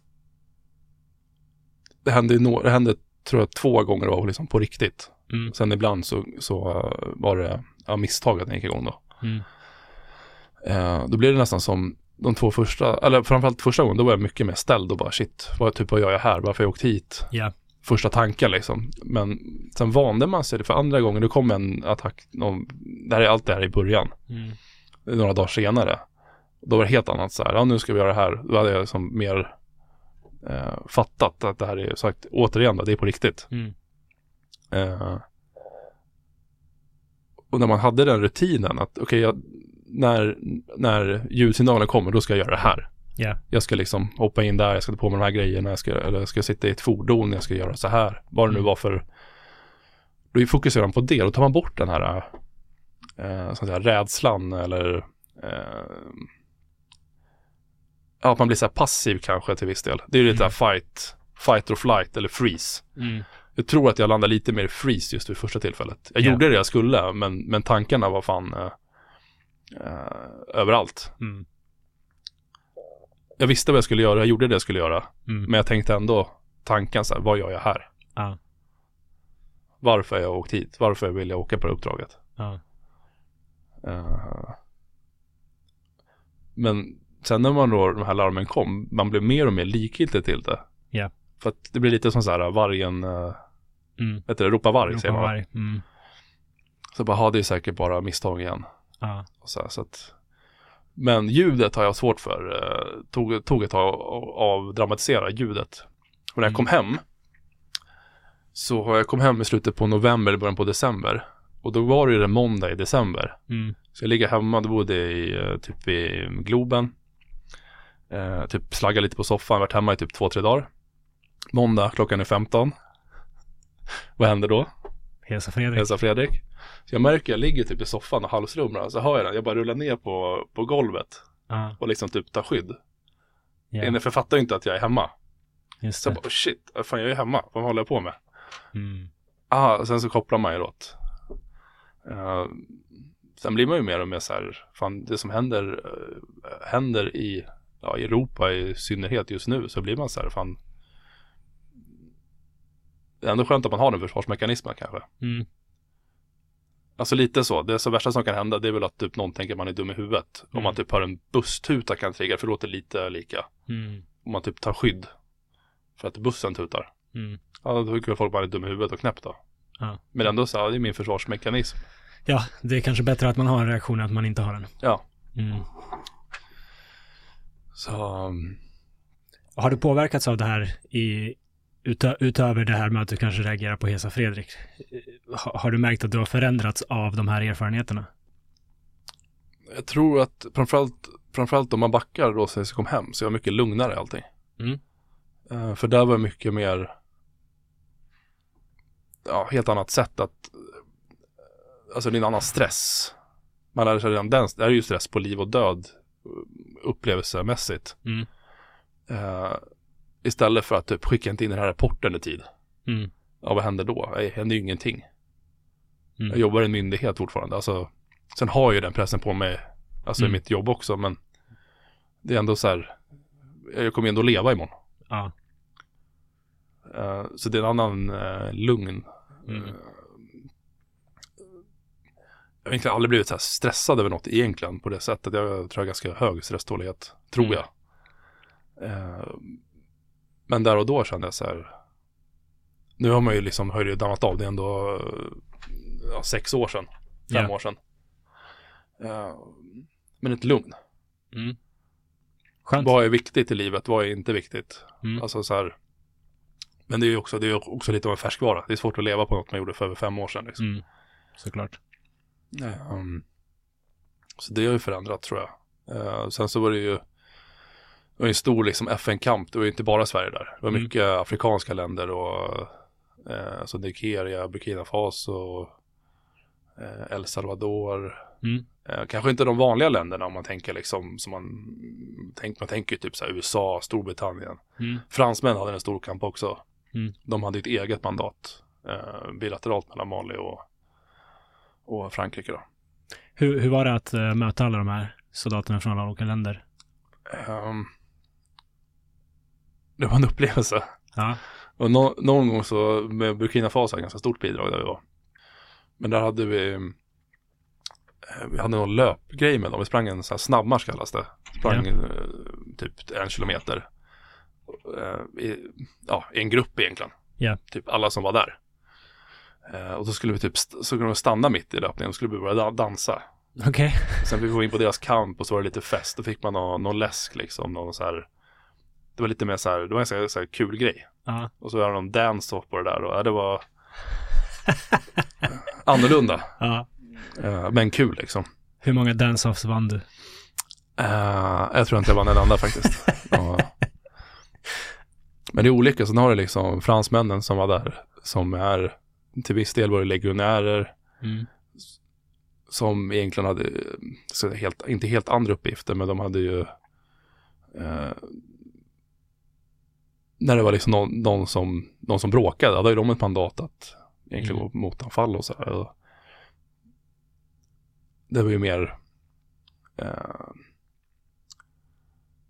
Ja, för dem var det nog, eller det var ju på riktigt för alla, det är svårt att säga att det var på riktigt, för det var det. Mm. Men de upplevde nog mer hemskheter än vad vi gjorde, Mm. Jag eller vad jag själv gjorde. Jag säga. Kom du någonsin i kontakt med någon från någon av de här milisgrupperna eller Al-Qaida eller så? Nej, Nej. inte i min, inte i min roll. Nej. Eh, nej, utan eh, eh, nej. All right. Nu gjorde vi ett ganska stort hopp där från Bosnien eh, 2011 till Mali 2018. Ja. Det, det Du får, klippa, mesta... du får klippa bort det där sen, alltså att uh, om Burkina Faso. Okej. Alltså med deras försvarsmakt där. Ja, absolut. Du kan ha med att vi dansade och så. Men eh, Men jag kan ju inte säga att de, att, uh, jag förstår inte. jag vet inte hur man ska säga det bara. Ja, jag, jag löser det. Um, Okej, vi, Ja. vi gjorde ett ganska stort hopp där mellan ehm, Bosnien 2011, eh, Mali 2018. Var det mesta av tiden, det här var ju de extraordinära kanske upplevelserna, eller, eller gjorde du fler utlandsgrejer uh, där, däremellan eller Nej. efteråt? Nej. Så, så vad gör du annars? Vad är liksom huvudsysselsättningen som yrkesofficer? Ehm, ja men det har varit, jag har gjort ganska vanlig trappa tror jag. Mm. Eh, när jag tog examen så eh, Ja fan det måste jag ju säga också. Det var det jag ska komma till med matten och det där igen. Ja. För att efter första terminen, då, sen läste vi liksom matte. Ja. Och eh, då fick jag ju läsa mina matte, gymnasiematten igen. Ja. Och läsa hela, eh, vi läste elprogrammet, eh, läste, alltså det var fortfarande, gymnasienivå. Men ganska koncentrerad tid och bara, och fysik B, allt det där blev klart då liksom. Mm. Ehm, men sen när jag väl tog examen då blev jag instruktör igen. Då kände jag så här, "Jaha, vad fan har jag gått den här utbildningen för? Mm. Uh, varför jag lärt mig de här grejerna om jag inte ska pyssla med teknisk tjänst liksom. Ja. Eh, men då var jag, då var det då hade ju värnplikten försvunnit. Då var jag instruktör på, ja, egentligen anställda som gjorde frivillig utbildning då. Eh, I, ja, två år ungefär. Mm. Sen fick jag liksom börja med teknisk tjänst. Eh, då var jag teknisk chef på ett kompani som hade fordon. Mm. Eh, och då var det ju att ta hand om dem. Alltså så att de, så ja, verkansdelen kunde lösa sina uppgifter. Så att fordonen, vapen, allt det där är liksom funktionsdugliga. Eh, så var jag det på lite olika kompanier. Eh, kompanier är egentligen, eh, man kan tänka sig så här, en grupp är ju typ åtta pers. Mm. Eh, tre, fyra grupper i en pluton. Mm. Så ungefär 40 pers. 30-40 pers. Eh, och sen så flera plutoner, typ fyra plutoner, är ett kompani. Ja. Så ungefär 200 pers eh, som var, våra storlekar då, på pappret. Sen var ju inte alla de som var heltidsanställda, vissa var i plikt eh, och inte var där liksom. Ja. Då ska man ha materialen, det var det mitt jobb egentligen, ta hand om den materialen. Okej. Eh, och sen ehm, eh, var jag efter efter Afrika där så var jag på uh, kustjägarkompaniet och sen var jag på bataljonen då. Så bataljonen nästa nivå, då har du eh, flera kompanier blir en bataljon då. Okej. Bara för att ha ett storleks, Så du, storleksordningar liksom. du får ansvar för större och större grupper människor. Ja, och mer Men- men indirekt fortfarande- ansvar blir det också. Alltså det är fortfarande, så att säga, individen som handhar det som är ansvarig. Ja. Men på kompani då blir det ju mig man går till, eller ska in på, som en, som en bil. Den ska in på G, alltså bilbesiktning. Mm. Så är det på de mycket prylar, vapen och allting. De ska liksom in på en kontroll. Okej. årligen ungefär. Så för allt större eh, grupper människor är du ansvarig för att deras grejer funkar helt enkelt? Ja. Mm. Men sen har man ju sen har man ju då hela tiden någon under sig då. Ja. På bataljon, då hade jag ju kompani, Ja. Mm. eh, tekniska cheferna då. Mm. Jag var bataljonsteknisk chef. Vad, är det roligaste med ditt jobb? Eh, det är... ehm, ett, jag gillar det där med servicebiten. Mm. Alltså utan att göra det åt dem så skapar man liksom förutsättningar. Uh, det här, så här ska du göra. Mm. Ehm, ja men och, och skapa, skapa förutsättningar för, för gruppen, individen att lösa sina uppgifter. Mm. Det är min uppgift. Ja. Men jag löser dem inte åt det liksom utan för att du ska kunna göra det här så eh, behöver du liksom kontrollera de här grejerna i fordonet eller de här grejerna på vapnet och sen skriva den här lappen, göra den här eh, så kommer jag ta det och skicka in det där eller lagar åt dig och så Mm. kan du använda saken igen. Ja. Alltså den här, um, ja men servicemässigt. Ja. Ehm, det var någonting jag skulle fråga där. Jo, du har nämnt ett par gånger nu. Världsläget ser ju annorlunda ut idag än när du började din karriär här. Mm. Ehm, nu när vi spelar in det, vad är det, 3 januari 2024, kanske släpps om någon vecka. Det har ju hänt en hel del i, i, i relativt närområde kan man säga de senaste åren. Ehm, när under din karriär började du känna att, ja ah, vänta nu, nu förändras saker och ting. Du, du nämnde den eviga freden. När, när kändes det som att den började ruckas, ruckas om? Jag tror i, i retro, retroperspektivet Mm, så är det väl någonstans där 2014. mm, Krimhalvön. Ja, Mm, någonstans där är, som jag själv började att jag tror inte jag tänkte på det då. Nej. Eh, det har nog varit mer uh, ja, senaste typ tre, tre åren kanske. mm, Liksom, för det har blivit mer, jag har hamnat i situationer där jag haft mer uppgifter som har varit uppkomna. mm, Eh, som jag inte hade haft innan. Mm. Det kan ju varit att jag hade fel, fel befattning och så innan också. Absolut, men vi har ju haft eh, Det var ju stor, eh, tror jag 2015 när jag hade en stor eh, medieuppslag. Ja. Eh, när de hade sett någonting i skärgården. mm, Jag vet inte om du minns det? mm. Det var någon Vi hade ubåt. liksom media, TV4 och SVT, de var ju på, Mm. på jobbet liksom. Och det var dagliga presskonferenser nästan. Och, ja, det typ, typ någon veckas tid bara, så det var ju så här. Och sen så kom det här med, eh, på den påsken, vad de kallar för ryska posten, när eh, ryska plan flashade Mm, sina beväpningar för svenska, svenska planer liksom. Och, eh, så där någonstans så blev det mycket mer, eh, ja, upp, för min del, uppgifter jag inte hade haft innan. mm, Det var lite mer osäkert. Det var kanske inte alltid arbetstiden som styrde. Ja men idag slutar jag, du vet, klockan eh, fem. mm, Utan det kanske man inte gjorde. mm. Eh, För att det hände saker på riktigt som man behövde förhålla sig till. Ja men lite så. Mm, Lite så. Eh, och sen så har det blivit mer och mer tycker jag i, i media och allt det där. Eh, Mm. Framförallt sen då eh, ja, februari 2022 där. mm, Såklart. Men det är väl lite så också. Att man har en, det är väl bra att Försvarsmakten är före. mm, Alltså utan att skapa någon form av vad man säger, ramaskri eller mm. ehm, Panik. ja men att det funkar. En helt Eh. annan liksom sensorkedja som de har mot vad vanliga man har liksom. Ja.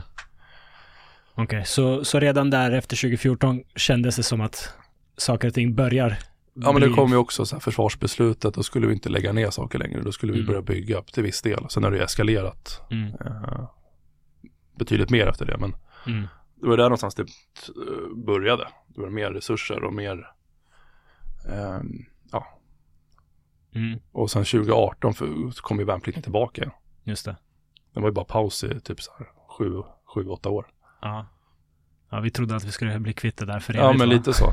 Och sen backar man det ännu längre. Att 90-talet har ju bara trappats ner, trappats ner, trappats Ja. ner. Och sen runt där 20, 2014, 15 någonstans. Då börjar man skala upp det. Mm, Väldigt sakta i början. Men sen så bara, vi måste tillbaka till värnplikten. Vi Mm. måste göra det. Nu är det massa regementen i Sverige som återetableras. Eller har åter, åter, återetablerats i närtid. mm.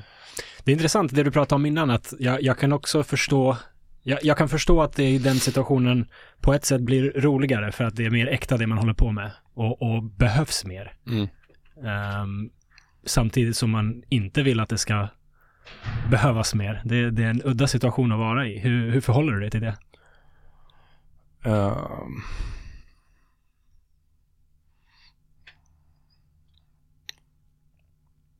Nej men det är väl där, det känns väl som att det man gör är viktigt liksom. Mm. Så. Här, så. Eh, men det är tråkigare typ på ett sätt att det blivit mer sånt så här, uppkommet när man Mm. har en annan eh, levnads... ehm, ja, jag lever på ett annat sätt idag än vad jag gjorde för fem år sedan. Mm. Så jag har barn. Mm. Det går liksom inte. Jag, jag måste hämta på förskolan en viss tid. Just det. Eh, och det har inte varit något problem heller. Det har ju varit så när det har varit sådana grejer. Då har man ju tagit de som kan Mm. såklart. När vi ska göra något som är uppkommet liksom. Mm. Eh, så det har inte varit något problem mot arbetsgivaren. Men skulle man ställa på sin spets så blir det ju så här. Ja, då är jag skyldig att göra det. Mm. Alltså arbetsrättsligt då liksom. Eh, sen är jag inte så, jo, jag, jag är relativt bra på arbetsrätt ska jag säga, men det är ändå så här. Ja, jag ska hämta på förskola, jag måste. Mm. Jag kan inte. Mm. Då får man väl liksom, ja. Får man lösa det. Ja. Ehm, du, du, du kan ju liksom bestämma själv hur mycket du ut- uttalar dig om sånt, men vad, vad är din känsla av vä- världsläget? Och såklart, du, som person, inte du som representant för Försvarsmakten, utan det som händer, Ryssland, Ukraina, eh, Israel, Palestina, Sveriges plats i det hela och eh, hur saker och ting utvecklas. Mm. Ja, men det är, det är ju, alltså det, jag lyssnade häromdagen på, finns, finns på YouTube då, typ så här Försvarsmaktens eh, årskrönika. Mm. Och det är så här, det är ju en mörk, det är ju mörkare nu. Det, blir ju nästan, det känns som att min, min känsla är att det blir bara mörkt hela tiden. Mm. Och någonstans så tar Israel, eh, Palestina biten, då det ju nästan den fått, av förklara själv, då har ju den mycket mer medieutrymme. Hur påverkar det Ukraina, situationen? Eh, det händer mycket det här året med val i eh, ja, USA, är väl kanske Mm. den, den största. Absolut. Jag tror att det är 40 procent av eh, jordens länder har ett valår i år. Mm. Läste jag någon häromdagen. Mm. Ehm, även Ryssland har val i år. Eh, eh, Ukraina tror jag ska ha val, men de har ju undantagstillstånd så de kanske inte håller sitt val. Mm. Det hade inte varit orimligt. Eh, men eh, så här, hur, hur, hur länge orkar man? Det börjar ju liksom, om man ser stödet till Ukraina, eh, Ukrainas försvar, det var ju ganska stort i början. Mm. Allt svikta. att Tyskland helt plötsligt eh, ändrar liksom sin inställning på grund Mm. av deras historia. Som ska s- toksatsa på deras försvar igen. Mm. Eh, men det kostar ju pengar och det börjar märkas av tror jag i liksom ekonomin. Mm. Eh, det var väl inte heller svinbra ekonomi efter pandemin som priset var avslutad liksom. Mm. Ehm, men ehm, jag tror att eh, alltså vi är ett ganska litet land. Vi kan inte hjälpa till överallt. Nej. Vi är inte liksom USA som är världens största, största militärmakt. Mm. Ehm, men vi kan bidra lite som jag pratade om mig själv liksom. Jag kan ju. Alltså om inte jag gör det, vem ska annars göra det? Mm. Eh, jag såg en sån eh, på Nyhetsmorgon för några veckor sedan, en som hade varit där i, eh, en svensk som hade varit då i Ukraina. Mm. Han sa att, då frågade programledaren så här, men vad, hur tänker du liksom när du är borta då, för du har tre barn hemma och så här. Ehm, han hade ju blivit, jag tror han fått splitter, hade blivit skjuten. Mm. Han var hemma liksom och lever så här. Ehm, jag kommer inte ihåg exakt vad som hade hänt honom. Men han sa ganska bra liksom att, nej men jag gör ju det för att mina barn ska slippa göra det. Mm. det här är någonting som är större än en själv. Lite Mm. så. Och det är lite så att ja, Sverige kan. Det är lite som man backade doktrinen då till att vara på de här internationella insatserna. Det var ju att vi försvarar ju Sverige, ja men typ i Afghanistan, så att det inte ska komma hit. Mm. Nu har ju Sverige en helt annan situation idag också med gängkriminalitet och liksom inrikespolitiska också tar betydligt större utrymme Mm. eh, idag än vad det gjorde då. Ehm, men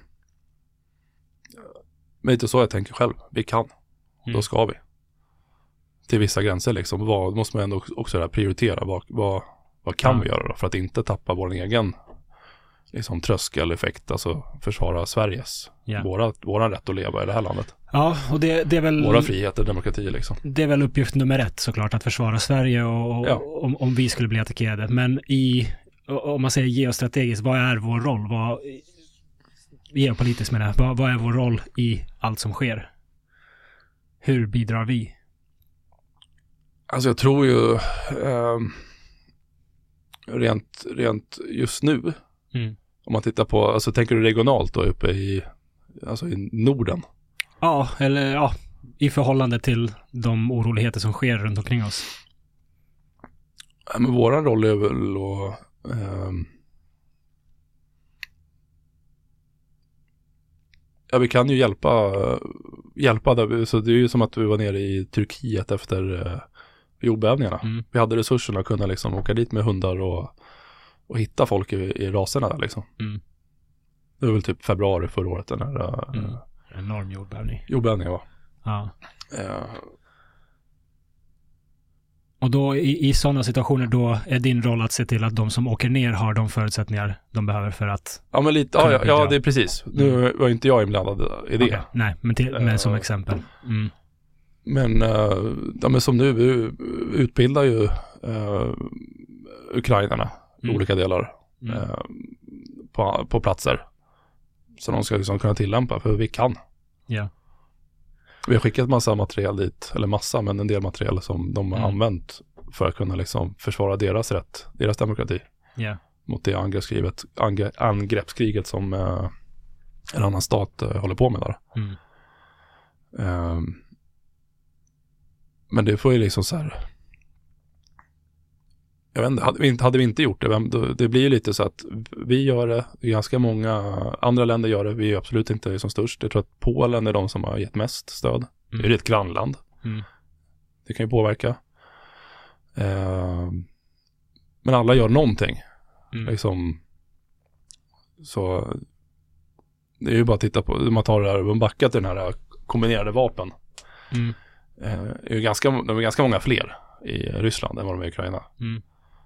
Så att liksom matematiskt så, så om det bara är numerären man räknar så ska ju Ukraina inte ha haft en chans. Mm. Med det stödet de har fått så är det nästan gått två år. Det är fortfarande inte liksom erövrat. Nej, Som man fattade på media i början, då skulle väl eh, de kliva in i Kiev efter en vecka Ja. liksom. exakt. Några dagar och sen var det klart. Liksom. Precis, och nu är det ju som det är. Sen är det ju fortfarande extremt tråkigt, alltså att det här händer Mm. 2022 i det här fallet liksom, och det är 2024 nu, det bara fortsätter med, Mm. med konflikter. Mm. Eh, och det kan man ju då fundera på min profession då, varför håller jag på med då? Mm. Liksom så här, sen så, ja. Syftet är ju att, jag vill, jag vill, jag vill ju inte behövas, Nej. men tyvärr behövs jag. Mm. Är du orolig för att Sverige kan dras in i ett krig? I ett varmt krig? Ja, jag är orolig inte, men jag tror att det inte är helt... ehm, Nej, det är inte, alltså... Ja, jo, men det ska jag säga. Mm. Ja. Hur skulle ett sånt scenario kunna se ut? Varför skulle vi dras in och hur? Dels, eh, det blir väldigt speciellt nu när vi inte är med i NATO. Mm. När hela egentligen Baltikumområdet förutom eh, Ryssland är med i NATO. Mm. Alltså med, jag tänker på Danmark, Norge, Finland, eh, Baltikumländerna, Polen, Tyskland. Alltså hela, Mm. hela Östersjön är ju omringad. He- hela gränsen mot eh, Ryssland är nu NATO förutom Ukraina i princip. Ja. Mm. Eh, och det de har pratat om liksom, eh, eller pratat om, det är ju att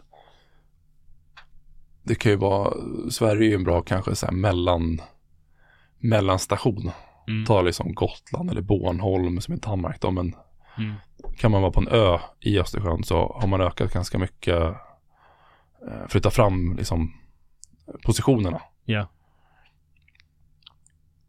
Och det är väl det som är eh, nackdelen framförallt då, när vi inte, typ, vi inte är med i NATO än. Liksom, att, Mm. Eh, då gäller ju inte artikel 5 för oss. Och, även om man har tecknat eh, mängder med bilaterala och multilaterala och trilaterala avtal med. Mm. Alltså de har jobbat hårt, våran regering, Aha, Om man säga både den här och förra liksom, med att teckna avtal. ja. Eh, men det är väl den. Alltså, jag såg jag också att eh, ja, de gick in i Ukraina. Hur, hur du Intentionen på... fanns och tröskeln var låg. Ja. Det visade sig liksom. Hur, hur ser du på det här med NATO? Eh, att Sverige, vi höll oss ur så pass länge och sen ganska hastigt kan man väl säga eh, tog beslutet att ansöka. Eh, men jag, jag personligen tycker ju, har ju tyckt att vi ska vara med i NATO Mm. eh, länge. Mm. Eh, men det är ju också, då ska jag säga det på, på min nivå så har vi övat väldigt mycket och varit på NATO-insatser. Vi har alltså varit Mm. med mycket med NATO. Ja, på, Eh, på utom på pappret så har vi i princip varit en medlem ett Ja, tag. men som, som på den nivån, den, den alltså förhållandevis låga nivån jag själv har jobbat så Mm. är det liksom, ja, vi har, vi har gjort alla grejer med dem mer eller Mm. mindre. De är ju med på våra liksom stora försvarsmaktsövningar, många länder. Vi, jobb, vi har eh, årliga övningar nu med, med liksom, både Finland var inte med i NATO då, för, då Mm. eller förr. Eh, men framförallt Finland har ju kanske det bästa samarbetet med, men Mm. även då USA. Eh, och sen har det ju bara ökat mer och mer. Mm. Men jag har ju själv varit eh, 2015 någonstans, hade vi en stor eh, NATO-övning nere i Skåne. Där Mm. liksom eh, massa NATO-länder var med. Mm. Och vi var liksom arrangör typ, eller vi var i Polen också då, men ehm, så att där tror jag inte att det är så här jättestor grej. Liksom som, som yrkesofficer på den nivån jag jobbar. Men i det stora hela så är det klart att det är en stor grej. Mm. Men det är ju Sverige som går med i NATO, det är ju inte eh, Försvarsmakten liksom. Mm. Men för den enskilda soldaten tror jag att det inte är så här, Nej. tror jag inte. Det kanske är jättestor skillnad, jag vet inte egentligen, Mm. men jag spekulerar lite nu. Eh, men eftersom det är, min vana är ju att när vi har en övning så är det inte bara Sverige med, utan Ja. det är andra NATO-länder eller andra allierade Just det eh, via olika avtal. Ja. ja jag, jag är personligen kluven. Jag, som ett litet land så är det givet att vi måste ha starka allierade. Liksom det, så, så har Sverige alltid funkat. Eh, alla stormakter runt omkring oss har vi samarbetat med när, när det är passat. Men jag är lite orolig för NATO för att vi knyter oss till masten på något som jag upplever som ett om inte sjunkande så skakigt skepp i USA. Väldigt skakigt skepp, skepp. Eh, Och vi har ju sett vad deras demokrati har lyckats producera senaste åren. Jag ser inte USA vara i jättebra skick några Mm. decennier framöver. Och det oroar mig. Även om såklart Ryssland och, och, och den, den sidan oroar mig också så tror jag att jag är mer orolig för vad som kommer hända i USA och om vi då är i en militär allians med dem, vad det kommer betyda för oss Mm. ifall någon riktig galning där kommer till makten. Ja men exakt. Jag, jag håller med dig. Alltså Mm. så liksom skakigt. Eh, USA har ju problem Mm. i landet, inrikes, precis som Sverige har. Alltså, men det här, eh, ja presidentvalet kommer ju vara stor vikt där liksom. Verkligen. Han är ju själv, eh, alltså för, förra presidenten har ju själv sagt liksom att han vill ju minska på NATO, är bara Mm. vi som gör saker. Till och med lämna NATO Precis. eventuellt. Mm. Eh, sen får vi se om han har stöd i deras, eh, han har ju inte, han är ju ingen diktator än i alla fall. Nej. Men, eh, utan det har ju Inte en än. kongress och en senat och ska fattas beslut liksom. Mm. Och, ehm, men det kommer nog påverka Mm. vem som vinner valet där borta. Oh ja. Ehm, och um, det som är, det som är väl typ positivt då med, om man kan säga något är positivt med det här i Europa då. Det är ju, jag upplever att EU har ju varit mer enade. Mm. Även om det finns liksom, är inte enade om allt, men mycket har ju ändå liksom, de flesta EU-länderna har ju ändå samlat stöd till Ukraina. Mm. Och som fokuserat att vi, och mång, fokuserat på att vi måste bli starka i Europa. Vi kan inte lita på USA hela tiden, utan vi måste Mm. liksom bidra mer själva. Mm. Verkligen. Eh, sen är det bara synd att Brexit händer det här också Mm. i närtid. Och, men Storbritannien är ju en, kanske den största spelaren i Europa. Mm. Ehm, men många länder ökar ju, fanns Sverige var en sån. Det var ju innan NATO där när Magdalena Andersson, dåvarande statsministern, gick ut och bara vi ska lägga 2% på BNP till vårt försvar. Mm. Eh, men det sagt, du var inne på det lite också. Det kan ju också vara hur påverkar det liksom mig eh, i mitt jobb? Mm. Jag menar inte det här då med övningar, det tror jag inte påverkar extremt mycket. Men det kan också vara ett annat NATO-land blir attackerad. Just det, Ja, då är det artikel 5 gäller för oss också. just det. Eller vi kan vara utlandsstationerad. Vi kanske har en eh, trupp i, eh, vad vet jag, Baltikum någonstans. Mm. Alltså, man inte liksom, det är inte bara Sverige längre. Nej, precis. Jag jobbar inte på Amfett eller amfibieregementet. Ah. Utan nu ska jag vara ja, på den här kampen i, i Estland Ja, i två år. Jag vet, alltså, ja. Ja, det är ju, det är ju tufft. Det är ju tufft. Det Samtidigt, det är vad en allians är. Om vi, Ja, om vi ska förvänta oss att folk ska komma och hjälpa oss. det är ju då, eg- egentligen på den liksom, eh, rö- personalrörlighet, det är ju samma Mm. sak att vi har eh, EU-parlamentet i Bryssel. Då, mm, Alltså nu är det politikerval där, men det finns ändå tjänstemän och dem. mm, Ja, vi är med i EU, ja då ska vi ha personal i Bryssel. mm, Punkt. ja. Liksom Sverige fyller de platserna. Hur pass starkt är NATO? Alltså även om det är ett skakigt skepp så är det ju starka. Mm, Som, alltså, så länge man har USA som är den största militärmakten. Mm, Eh, sen har jag inte, eh, absolut inte i huvudet eh, hur stora de andra är. Men Frankrike är stora, Storbritannien är stora. Eh, jag tror att de som växer snabbast är väl Kina. mm, Eh, Ryssland är ju, har ju växt också. mm, men det är fortfarande liksom, USA är så pass mycket större. Och så Mm. lägger du på då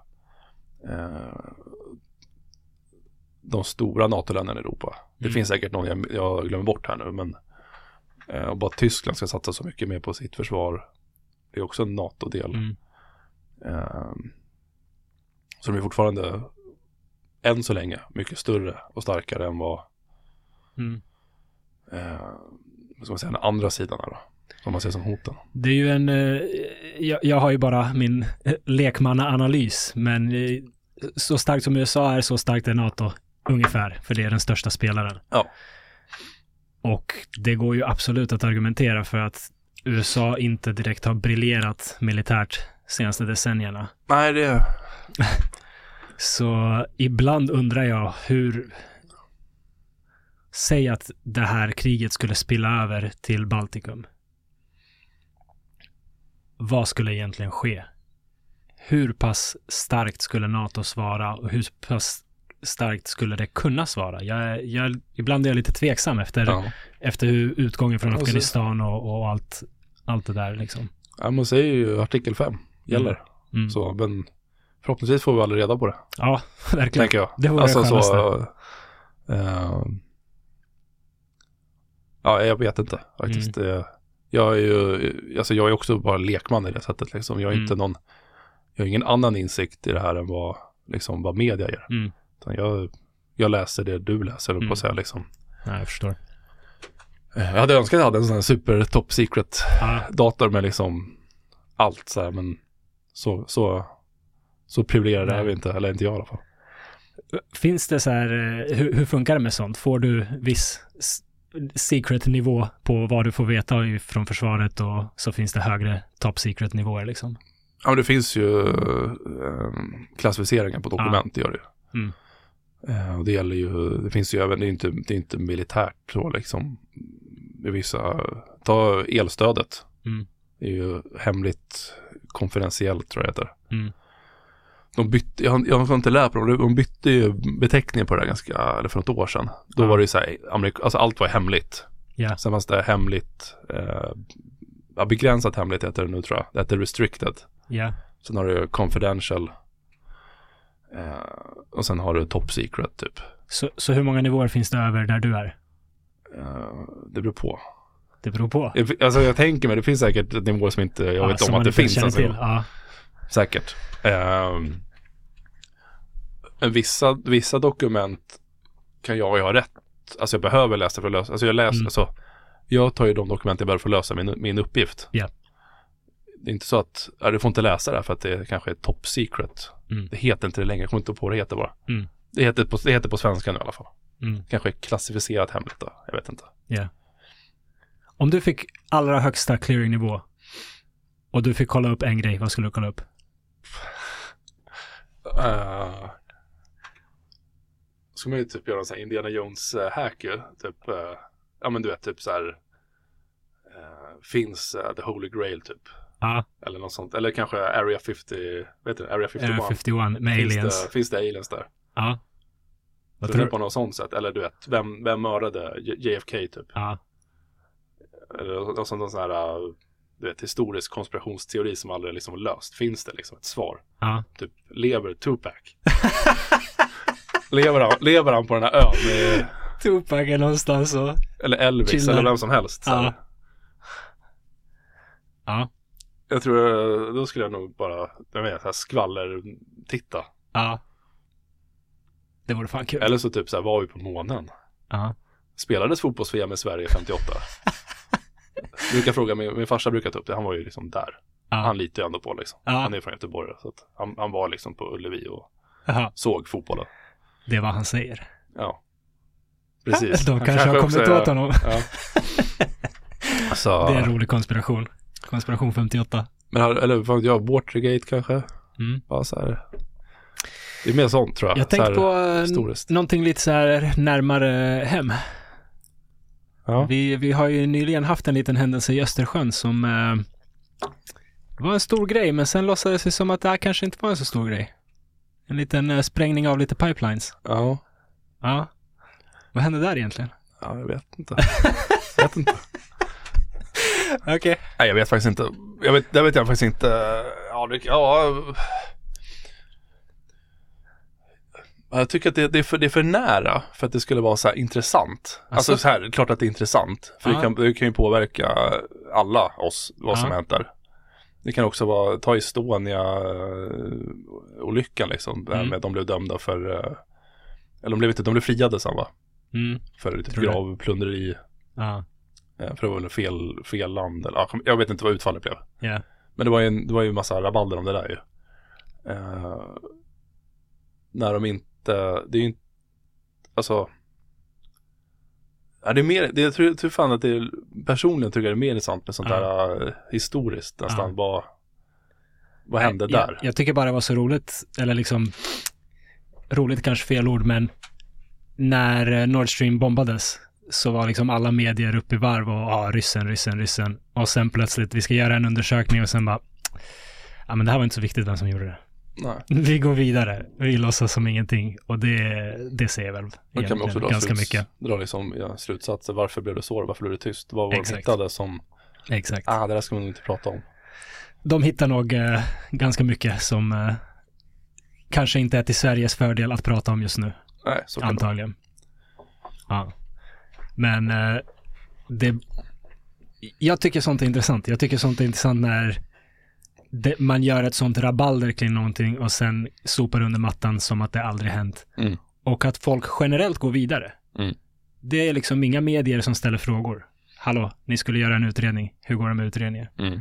Det för mig är fascinerande. Att vi rättar oss i ledet till, i, till, i så pass stor utsträckning. Och sen förstår jag varför det är så. Om det handlar om rikets säkerhet och Men allianser. slu, vad slutade det med då?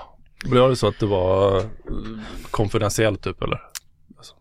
det, vad jag vet så sa man att utredningen pågår. Ja. Vi kommer komma med uppdatering i framtiden och så har man bara aldrig kommit med en uppdatering. För det är ingen sån här skön, eh, du vet, eh, den här corona-rapporten som kom samma dag som Ryssland eh, anföll Ukraina. Så hamnade ju den liksom längst ner på Mm. medielistan. Eh, nej, vad, jag- vad jag, nu kan jag ha missat något, men vad jag vet Ja. så har det bara inte kommit någon uppdatering. Ehm, det har ju kommit lite teorier. Ju flera länder som har varit där och undersökt också. Ja, och, och alla är knäpptysta liksom. Ja. Sverige och Tyskland har gjort undersökningar och eh, tror Danmark också. Och vi är alla knäpptysta, så det är, som du säger, man kan dra sina egna slutsatser från det. Det har ju Mm. kommit i, i Seymour Hersh släppte en stor artikel om att USA var inblandat med Norge och, och så Ja, vidare. men det har jag sett i spekulationen också. Ja. Eller spekulationer. eh, Ja. Utan att veta, eh, vad heter det? Bakgrundsfaktan, alltså heter det? Mm. Faktakontrollen. Bakgrunds, eh, alltså är det sann information liksom. Ja, exakt. Och, och att Ukraina, att Ukraina har fristående hört- grupper det i har Ukraina har ja. gjort det och sådana där saker. Men ja, oavsett så tyder ju mycket på att det inte var den ryska sidan. Hade det varit, hade man haft bevis för det, då hade det alla känt till det. Ja, men lite så. Väldigt, Och Då har väldigt. man kunnat måla, Ja. måla ut fienden liksom. Så är det ju. Precis. Men det, det intressanta Man kan är väl som konstatera i sagt... alla fall att det var inte en olycka. Nej, nej, nej. Det Precis. var mätts på både danska och svenska liksom, Ja. seismografer att det var en detonation. Ja, exakt. Eh, Men att alla liksom ställ, rättar sig i ledet om man bara så här sopar under mattan Ja. som hel befolkning i princip. man går ju vidare liksom, alltså Ja. med, sitt, med sitt dagliga så här. ja. Det Så är det. det. Det, det är lite det där med alltså stödet till Ukraina, när det var mycket på media, då finns det en annan, helt annan liksom Mm. eh, dignitet i det. Liksom, man, det, man kommer inte undan det, Mm. verkligheten. Det, det, det händer nu. Mm. Eh, men det är som all mediebevakning, sen blir det bara, Mm. Vi kan ta det som en sån här sportögonblick. Mm. Alltså om du tar, någon, eh, ta så här, du vet, Sara Sjöström, när hon vann sitt första OS-guld, det var så här värsta grejen ju. Ja. Eller för VM-guld kanske det var. Men nu är det nästan som att det är på repeat. Hon ska typ minst vinna två, tre VM-guld. Ja. Alltså för att det ska vara, det är knappt, du vet, För, för att det, det är knappt, det är knappt nyhetsvärde. Ja. Att, eller Michael Phelps eller vem som helst som bara, Ja. han vann åt, åtta OS-guld. Ja. Alltså det var inte så här, då, blir, då tappar det lite så här digniteten i OS-guldet. Ja. Eh, för att han har ju så många. Ja. ja, men det är intressant med, med 24-7 ny, nyhetscykeln liksom. Det är Ja. konstant blivit pepprade av någonting. Det hade ju snarare varit en större nyhet ifall han inte vann. Ja. Alltså att det kom någon annan och slog honom. Ja, då är ju det intressant tills det inte är intressant längre. och så, så. snurrar det vidare Så liksom. nu är det ett nytt krig liksom, Mm. som det är störst fokus på. Mm. Eh, man blir ju färgad. Oh ja. det är Oh ja. omöjligt att inte påverkas av liksom, det, vad, vad media väljer att berätta, Ja. eller MSN media liksom, vad väljer de att eh, och som sagt, pratar man inte om det då Ja. Ja, det, dör det ut lite. vi, vi är inte svåra att distrahera med någonting nytt direkt. Nej. Finns aliens? Eh, jag hoppas det. Har du följt med i sånt här, eh, de här tic-tac eh, fenomenet och de, som de håller på med i USA nu? De håller på och släpper en massa eh, intressant Ja, information. lite grann. Jag såg, jag såg faktiskt när eh, SVT-nyheternas årskrönika hade med lite klipp från det där. Mm. Då mindes jag lite så att jag sett lite grann av det. Mm. Men jag har inte följt det så här. Nej.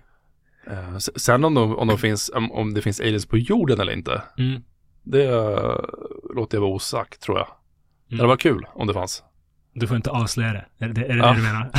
Nej men eh, jag är mer så här, alltså, det är, alltså mer det existentiella med liksom Big. Bang och det hade varit, det hade varit tråkigt Ja. om det bara fanns där. Ja. ja, jag håller med. Alltså i, universum måste det ju finnas annat liv. Ja, det är det det det det jag- vore helt orimligt om det här är den enda lilla stenen Ja men det om det ändå då på. ska, om det växer med vet, flera hundra kvadrat Ja. miljarder kilometer, Ja, eh, alltså expanderas hela tiden, ja, eh, universum. Det finns ju flera galaxer och liksom, ja. Det, det, Det vore orimligt om Ja. det inte fanns annat. Men det de håller på med i USA nu är att de, det finns, eh, de släpper väl sån här, eh, vad heter han, Dave, David Grush eller någonting Mm. sånt. Som har, han har jobbat på NASA va? ja, jag tror det var NASA, osäker, eller om det var Department, ah skitsamma. Någonstans i alla fall. Men han, eh, han pushar att de ska eh, offentliggöra en del information. Och det som det antyds är att det finns farkoster som inte är av mänsklig skapelse i alla fall. Ja. Som eh, USAs regering och andra regeringar har samlat in, eller liksom ja, häm- hämtat in från olika platser på jorden och försökt eh, återskapa deras teknologi och sånt där. Och det är ju det är många som hävdar att det här är helt på riktigt och, och till och med har exempel på viss teknik som de säger kommer från eh, vad heter det, reverse engineering från, från Mm. de här farkosterna. Och att dess, dessutom finns varelser, påstår vissa, som regeringarna har haft kontakt med. Mm. Och det vore ju sjukt spännande om det var så. Jag vill säga att det hade varit kul om det Ja. var så, tänker jag. Ja, väldigt intressant. Ehm. ja, det... Som sagt, vi trodde ju ett tag att jorden var platt liksom. Ja. Ja, jag är öppen för det mesta, eh, att- men det vore kul att se lite bevis. Ja, ja, jo. Ja, absolut. Det hade varit kul om det liksom, Ja, ja men du vet, tänk dig typ så här, Biden. Ja. Säger inte att han är alien, men det var kul om han typ håller tal så här, så bara, det här är jag. ja. Ja. Uh, försöker komma på någon sån här science fiction-film som har någon sån här eh, alternativ uh, världshistoria. Jag tänker på typ, ehm, eh, det finns ju den här finska, uh, fan, jag vet inte vad den heter, men de är på typ, nazisterna har ju bott på månen. Ah, just det. Jag kommer inte ihåg vad den heter i huvudet. Nej. Eller som det är någon Transformers-film är också så här, eh, är de också gömt sig på månen. Ja, ja. Backside of the moon eller något så här. Det är, en bra, det är en bra plats att gömma sig på. Ja. Faktiskt. Om man ska gömma sig någonstans så är det baksidan av månen. Nej men precis, så att, ehm, ja, Ja. det hade varit kul. ja. Om man fattar det så. Det hade definitivt varit kul. Eh, om du kunde få åka till Mars innan du dör, hade du gjort det? Det beror på. Vad beror det på? Eh, min levnadsvärld, vad säger man, inte levnadsvärld? Hur, alltså min, eh, vad, har jag, vad har jag för familjerelationer, Mm. vad har jag för, Mm. alltså vad kostar det? Inte pengarna utan Mm. Är det så att jag åker till Mars så kommer jag aldrig träffa min uh, sambo eller min, min, min son igen eller Mm. åker de med? Mm. Sådana faktorer kommer att spela in. Ja. Jag, kan, jag skulle kunna tänka mig att åka upp dit och bara leva ut mina sista månader bara. Ja, Avsluta livet på en annan planet. Det vore Ja. lite coolt. Om det finns en koloni där och människor bor där, inte jag själv. ska, ska du, inte vara, du inte vara först då? Nej, fy fan vad du tråkigt. ihågkommen? First man on Mars. Jag skulle behöva First ha med mig en jävla massa poddar och böcker bara. Men nej, nej, fan vad tråkigt. Tänk dig den där öken, egentligen- öken du var i och ingen annan. Nej. Fast ännu värre. Ja men du klarar sig ju om du har liksom, om man tänker så här Netflix typ. Aha. Eller något sånt. Alltså, just- Då kan man ju klara sig några dagar, tänker jag. Ja, sen har man ju, någonstans har man ju sett biblioteket. Eller lyssnat på alla poddarna. ja. Ska man börja om då, eller vad? Jag, jag tror inte jag skulle hinna lyssna igenom alla poddar. Jag följer för Nej, och många sig, poddar. Det skulle och det vara kommer nya att... avsnitt hela tiden. Ja. Men, men det skulle ju vara tråkigt att vara själv på Mars. Det känns jävligt dött. Ja. Fan, fan gör man där liksom? Jaha, vad fan gör man där? Kämpa för att överleva, jag vet inte. Bara käka sån här burkmat resten av eh, månaderna man har. Ja men det kanske är lite det också. Vad, vad skulle vara syftet med åker? Det skulle också spela in tror jag. Ja. Är det för att du vet, klimatförändringarna har eskalerat och Mm. vi kan inte vara kvar här måste. längre. Vi måste ja. skapa en ny möjlighet för vet, människan att bo någon annanstans. Ja. Eller, Och så skickar de upp en som guinea pig, se om man överlever. ja men lite så.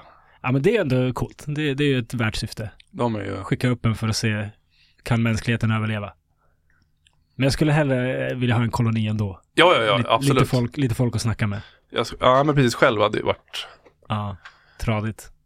alltså man kanske gillar egen tid men det är ju, Ja, det är ju en dag kanske. Sen är man ju så här, den nivån av egen tid, jag Ja. hur många miljoner kilometer bort man är. ja, det, det är lite att man i. typ ser inte jorden gång liksom. Nej, fy fan.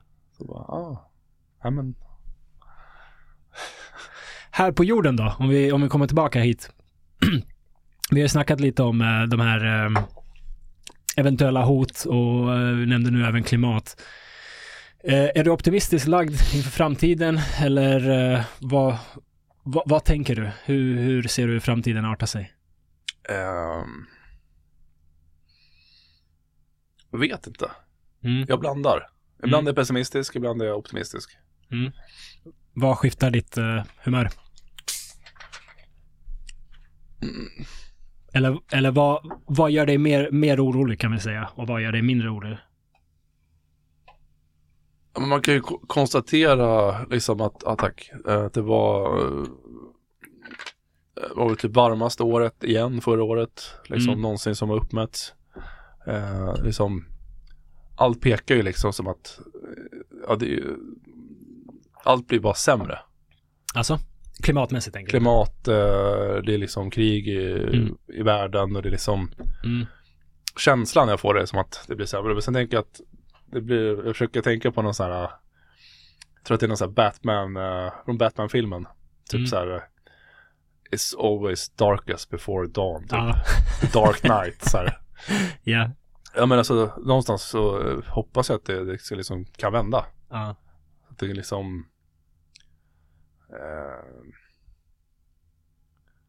Ja men jag, jag vill ju vara alltså, optimistisk. Mm. Alltså, som att, eller tänka positivt liksom. För kanske inte allt för min skull, men för min, mitt barns skull. Eller, liksom.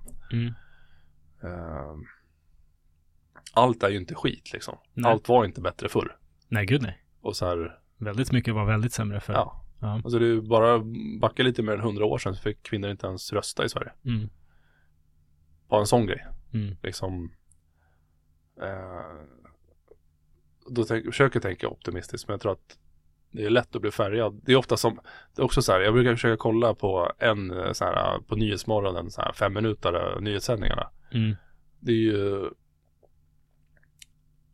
om den är fem minuter lång, så är Mm. fyra minuter och 30 sekunder negativa nyheter. Ja.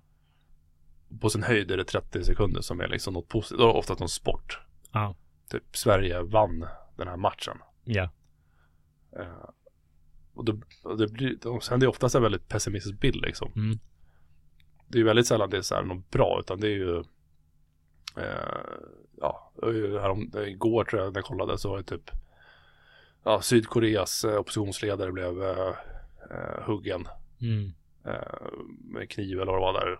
Liksom, sen är det, det är, lite om Palestina, Israel, lite om Ukraina. Mm. Eh, det är någonting om gängkriminalitet i Stockholm eller närområdet här. Mm. Eh, och sen kommer typ, och ikväll spelar juniorkronorna kvartsfinal i hockey-VM. Och det känns jätteviktigt i jämförelse. Ja men lite så här, eh, det är verkligen så här, det är väldigt oftast negativa. Ja.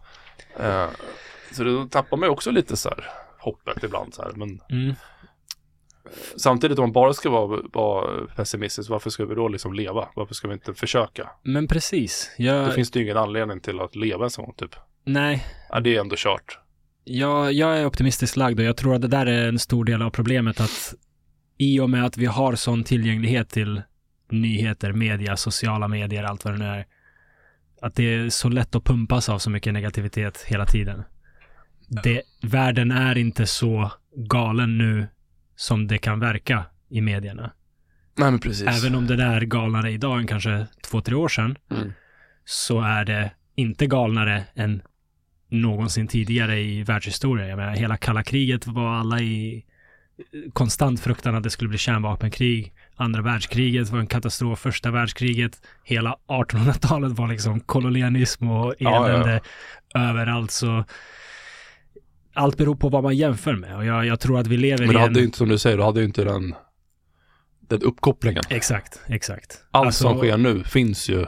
om man, om man hade sociala medier, liksom. om, om, om eh, Instagram och TikTok fanns under 1800-talet, om man kunde se liksom kongoleser få händer avhuggna Mm. till höger och vänster. Ja, det, jag, jag tror man hade upplevt det, den tiden som mycket mörkare än den Ja tiden men idag. precis, det var lättare att, så, ja. Mm. Så jag, jag, jag, jag är hoppfull. Jag, jag tror att det...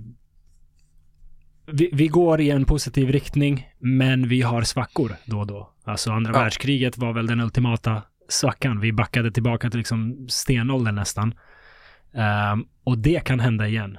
Men i det långa loppet så går vi i rätt riktning som art Mm. tror jag.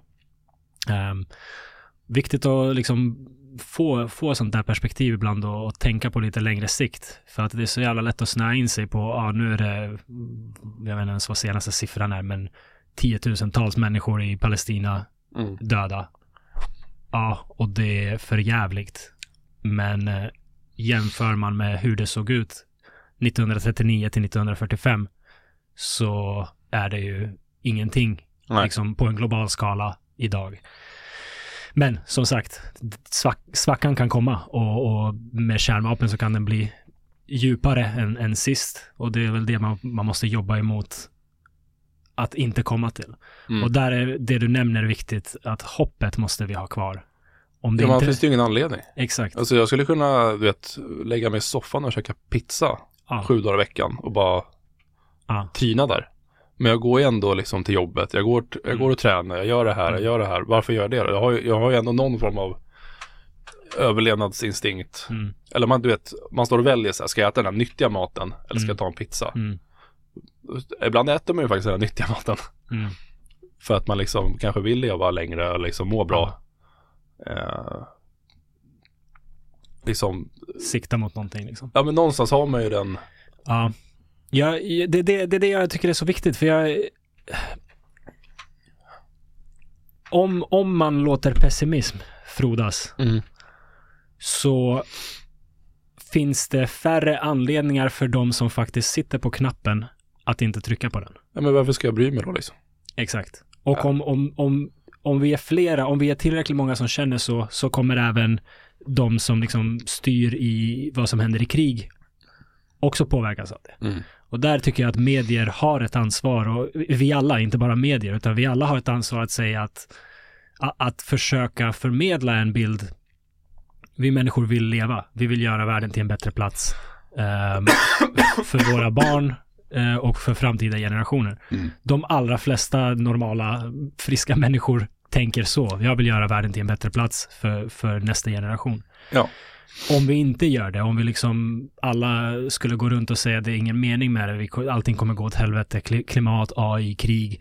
Ja, men varför ska de som eh, militärstrategerna då bry sig? Då, Mm. då blir det mycket lättare att avfyra ett kärnvapen och tänka fuck it, allt, ingenting spelar någon roll ändå. Nej. Ehm, så eh, Alltså du kan ju, du kan ju bottna det till ibland, jag tänkt så här eh, filo, filosofiskt. Vi vet Mm. ju om, i alla fall idag, mm, om inget extraordinärt händer, vi kommer ju dö någon gång. Mm. Eh, då kan man ju skita i att födas typ, tänker jag. Vi ska Mm. ändå dö. exakt. Alltså varför ska jag finnas? Ja. Liksom, jag har ändå någon, den här överlevnadsinstinkten finns ju ändå någonstans Ja. underliggande för de flesta. Jag vet att eh, alltså depressioner och sånt är väldigt vanligt. Mm. Eh, eh, men jag ser det som en svacka, som du är inne på. Mm. Någonstans så vill jag ju leva kanske så länge som möjligt. Eh, och då måste, och det, det, det speglas ju av på den här liksom, Mm. klimatet eller kriget. Alltså Mm. varför, alltså vad är syftet med, varför finns vi? Vad är vårt existensbehov eller berättigande? Ja. Det är ju som kung Charles sa ju det på, också den här årskrönikan. Ja. Typ, eh, alltså på engelska då. Eh, jorden tillhör inte människan, människan tillhör jorden. Mhm. Alltså det är inte vi som, ja, vi bara bor här. Ja. Jorden är jorden liksom. Det är Rimligt. så här, Djupt. annars kan man ju, vänder man på det, ja men då är det, då är det för sent och förstört och Mm. nej jag, det är lätt att bli pessimistisk men jag tyckte det var bra sagt det du sa där med att det är, det är en svacka. Mm. Så vi vill, hoppet får fan inte övergenas. Mm. Vi är ett jävligt uh, coolt djur. Sen kan Vi- det komma en jävla vi- komet här om en vecka och så är det ändå game over. Det är väldigt Liksom, sant också. Jag, jag skulle kunna på vägen hem jag bli påkörd av en buss. Ja. Men det är inte så att jag inte går ut då. För att, Mm. Eller så att, nej, det kommer, kanske kommer en komet idag. Så att, Nej, alltså Det- bildligt liksom. det är, inget, det är inget sätt att leva sitt liv på. Eh, nej, men vi är, ett, vi är ett coolt djur. Alltså, vi är överlevare. Det är vad vi är. Det spelar ingen roll vilken miljö vi har hamnat i på den här planeten. På något vänster liksom lyckas vi eh, anpassa oss och manipulera vår omgivning och överleva. Eh, och det tror jag vi kommer fortsätta med. Även om det skulle bli ett kärnvapenkrig så kommer grupper av människor överleva och ja, återpopulera planeten. Liksom. Det, vi är ett sånt djur, helt Mm. enkelt. Men det vore ju skönast om vi inte kom dit. Nej men precis, det var ju, Ja, vore ju skönt om typ nu i år så, så kommer de här, men du vet, man kommer några rapporter så att, ja men äh, nu har äh, för, första året på länge så minskar du vet dödsfallen i krig, mm, du vet klimatet äh, har inte blivit det varmaste, mm, utan det har liksom, temperaturen har sänkts. mm, du vet, AI kanske är ett sånt hot. mm, Och den har reglerats nu, mm. typ. Det kan hända. Ja. Det kan hända. Och så länge man tror att det kan hända så kan man jobba åt det hållet. Eh, om man inte Nu tror jag att det kan inget av det jag sa nu kommer hända, men jag hoppas Kanske att inte det i år. händer. Nej men lite så. Men, eh, nej men alltså allt är ju möjligt. Jag menar... Går det bra? Ja. allt är ju möjligt. Det, det är inte... Och inget är eh, förutbestämt att det måste ske så. Ehm, vi, vi skapar krig, vi kan avsluta krig. Vi skapar AI, vi kan forma AI. Förhoppningsvis. Eh, vi, vi påverkar klimatet i en riktning, vi kan påverka det i en annan och vi kan... Ja, ja, vi tar en paus. Alright. Tillbaka efter en liten paus. Ehm, Tänkte att vi kan börja avrunda. Mm. Jag, eh, jag var som sagt, eh, eller jag är fortfarande naiv inför det här med militären, eller liksom okunnig. Jag, jag tycker det är intressant. Jag tycker det är intressant som du, som du hör liksom spekulera både geopolitiskt och, och allt sånt där. Jag läser mycket om eh, krig och elände och eh, tycker den frågan är intressant, men har själv inte haft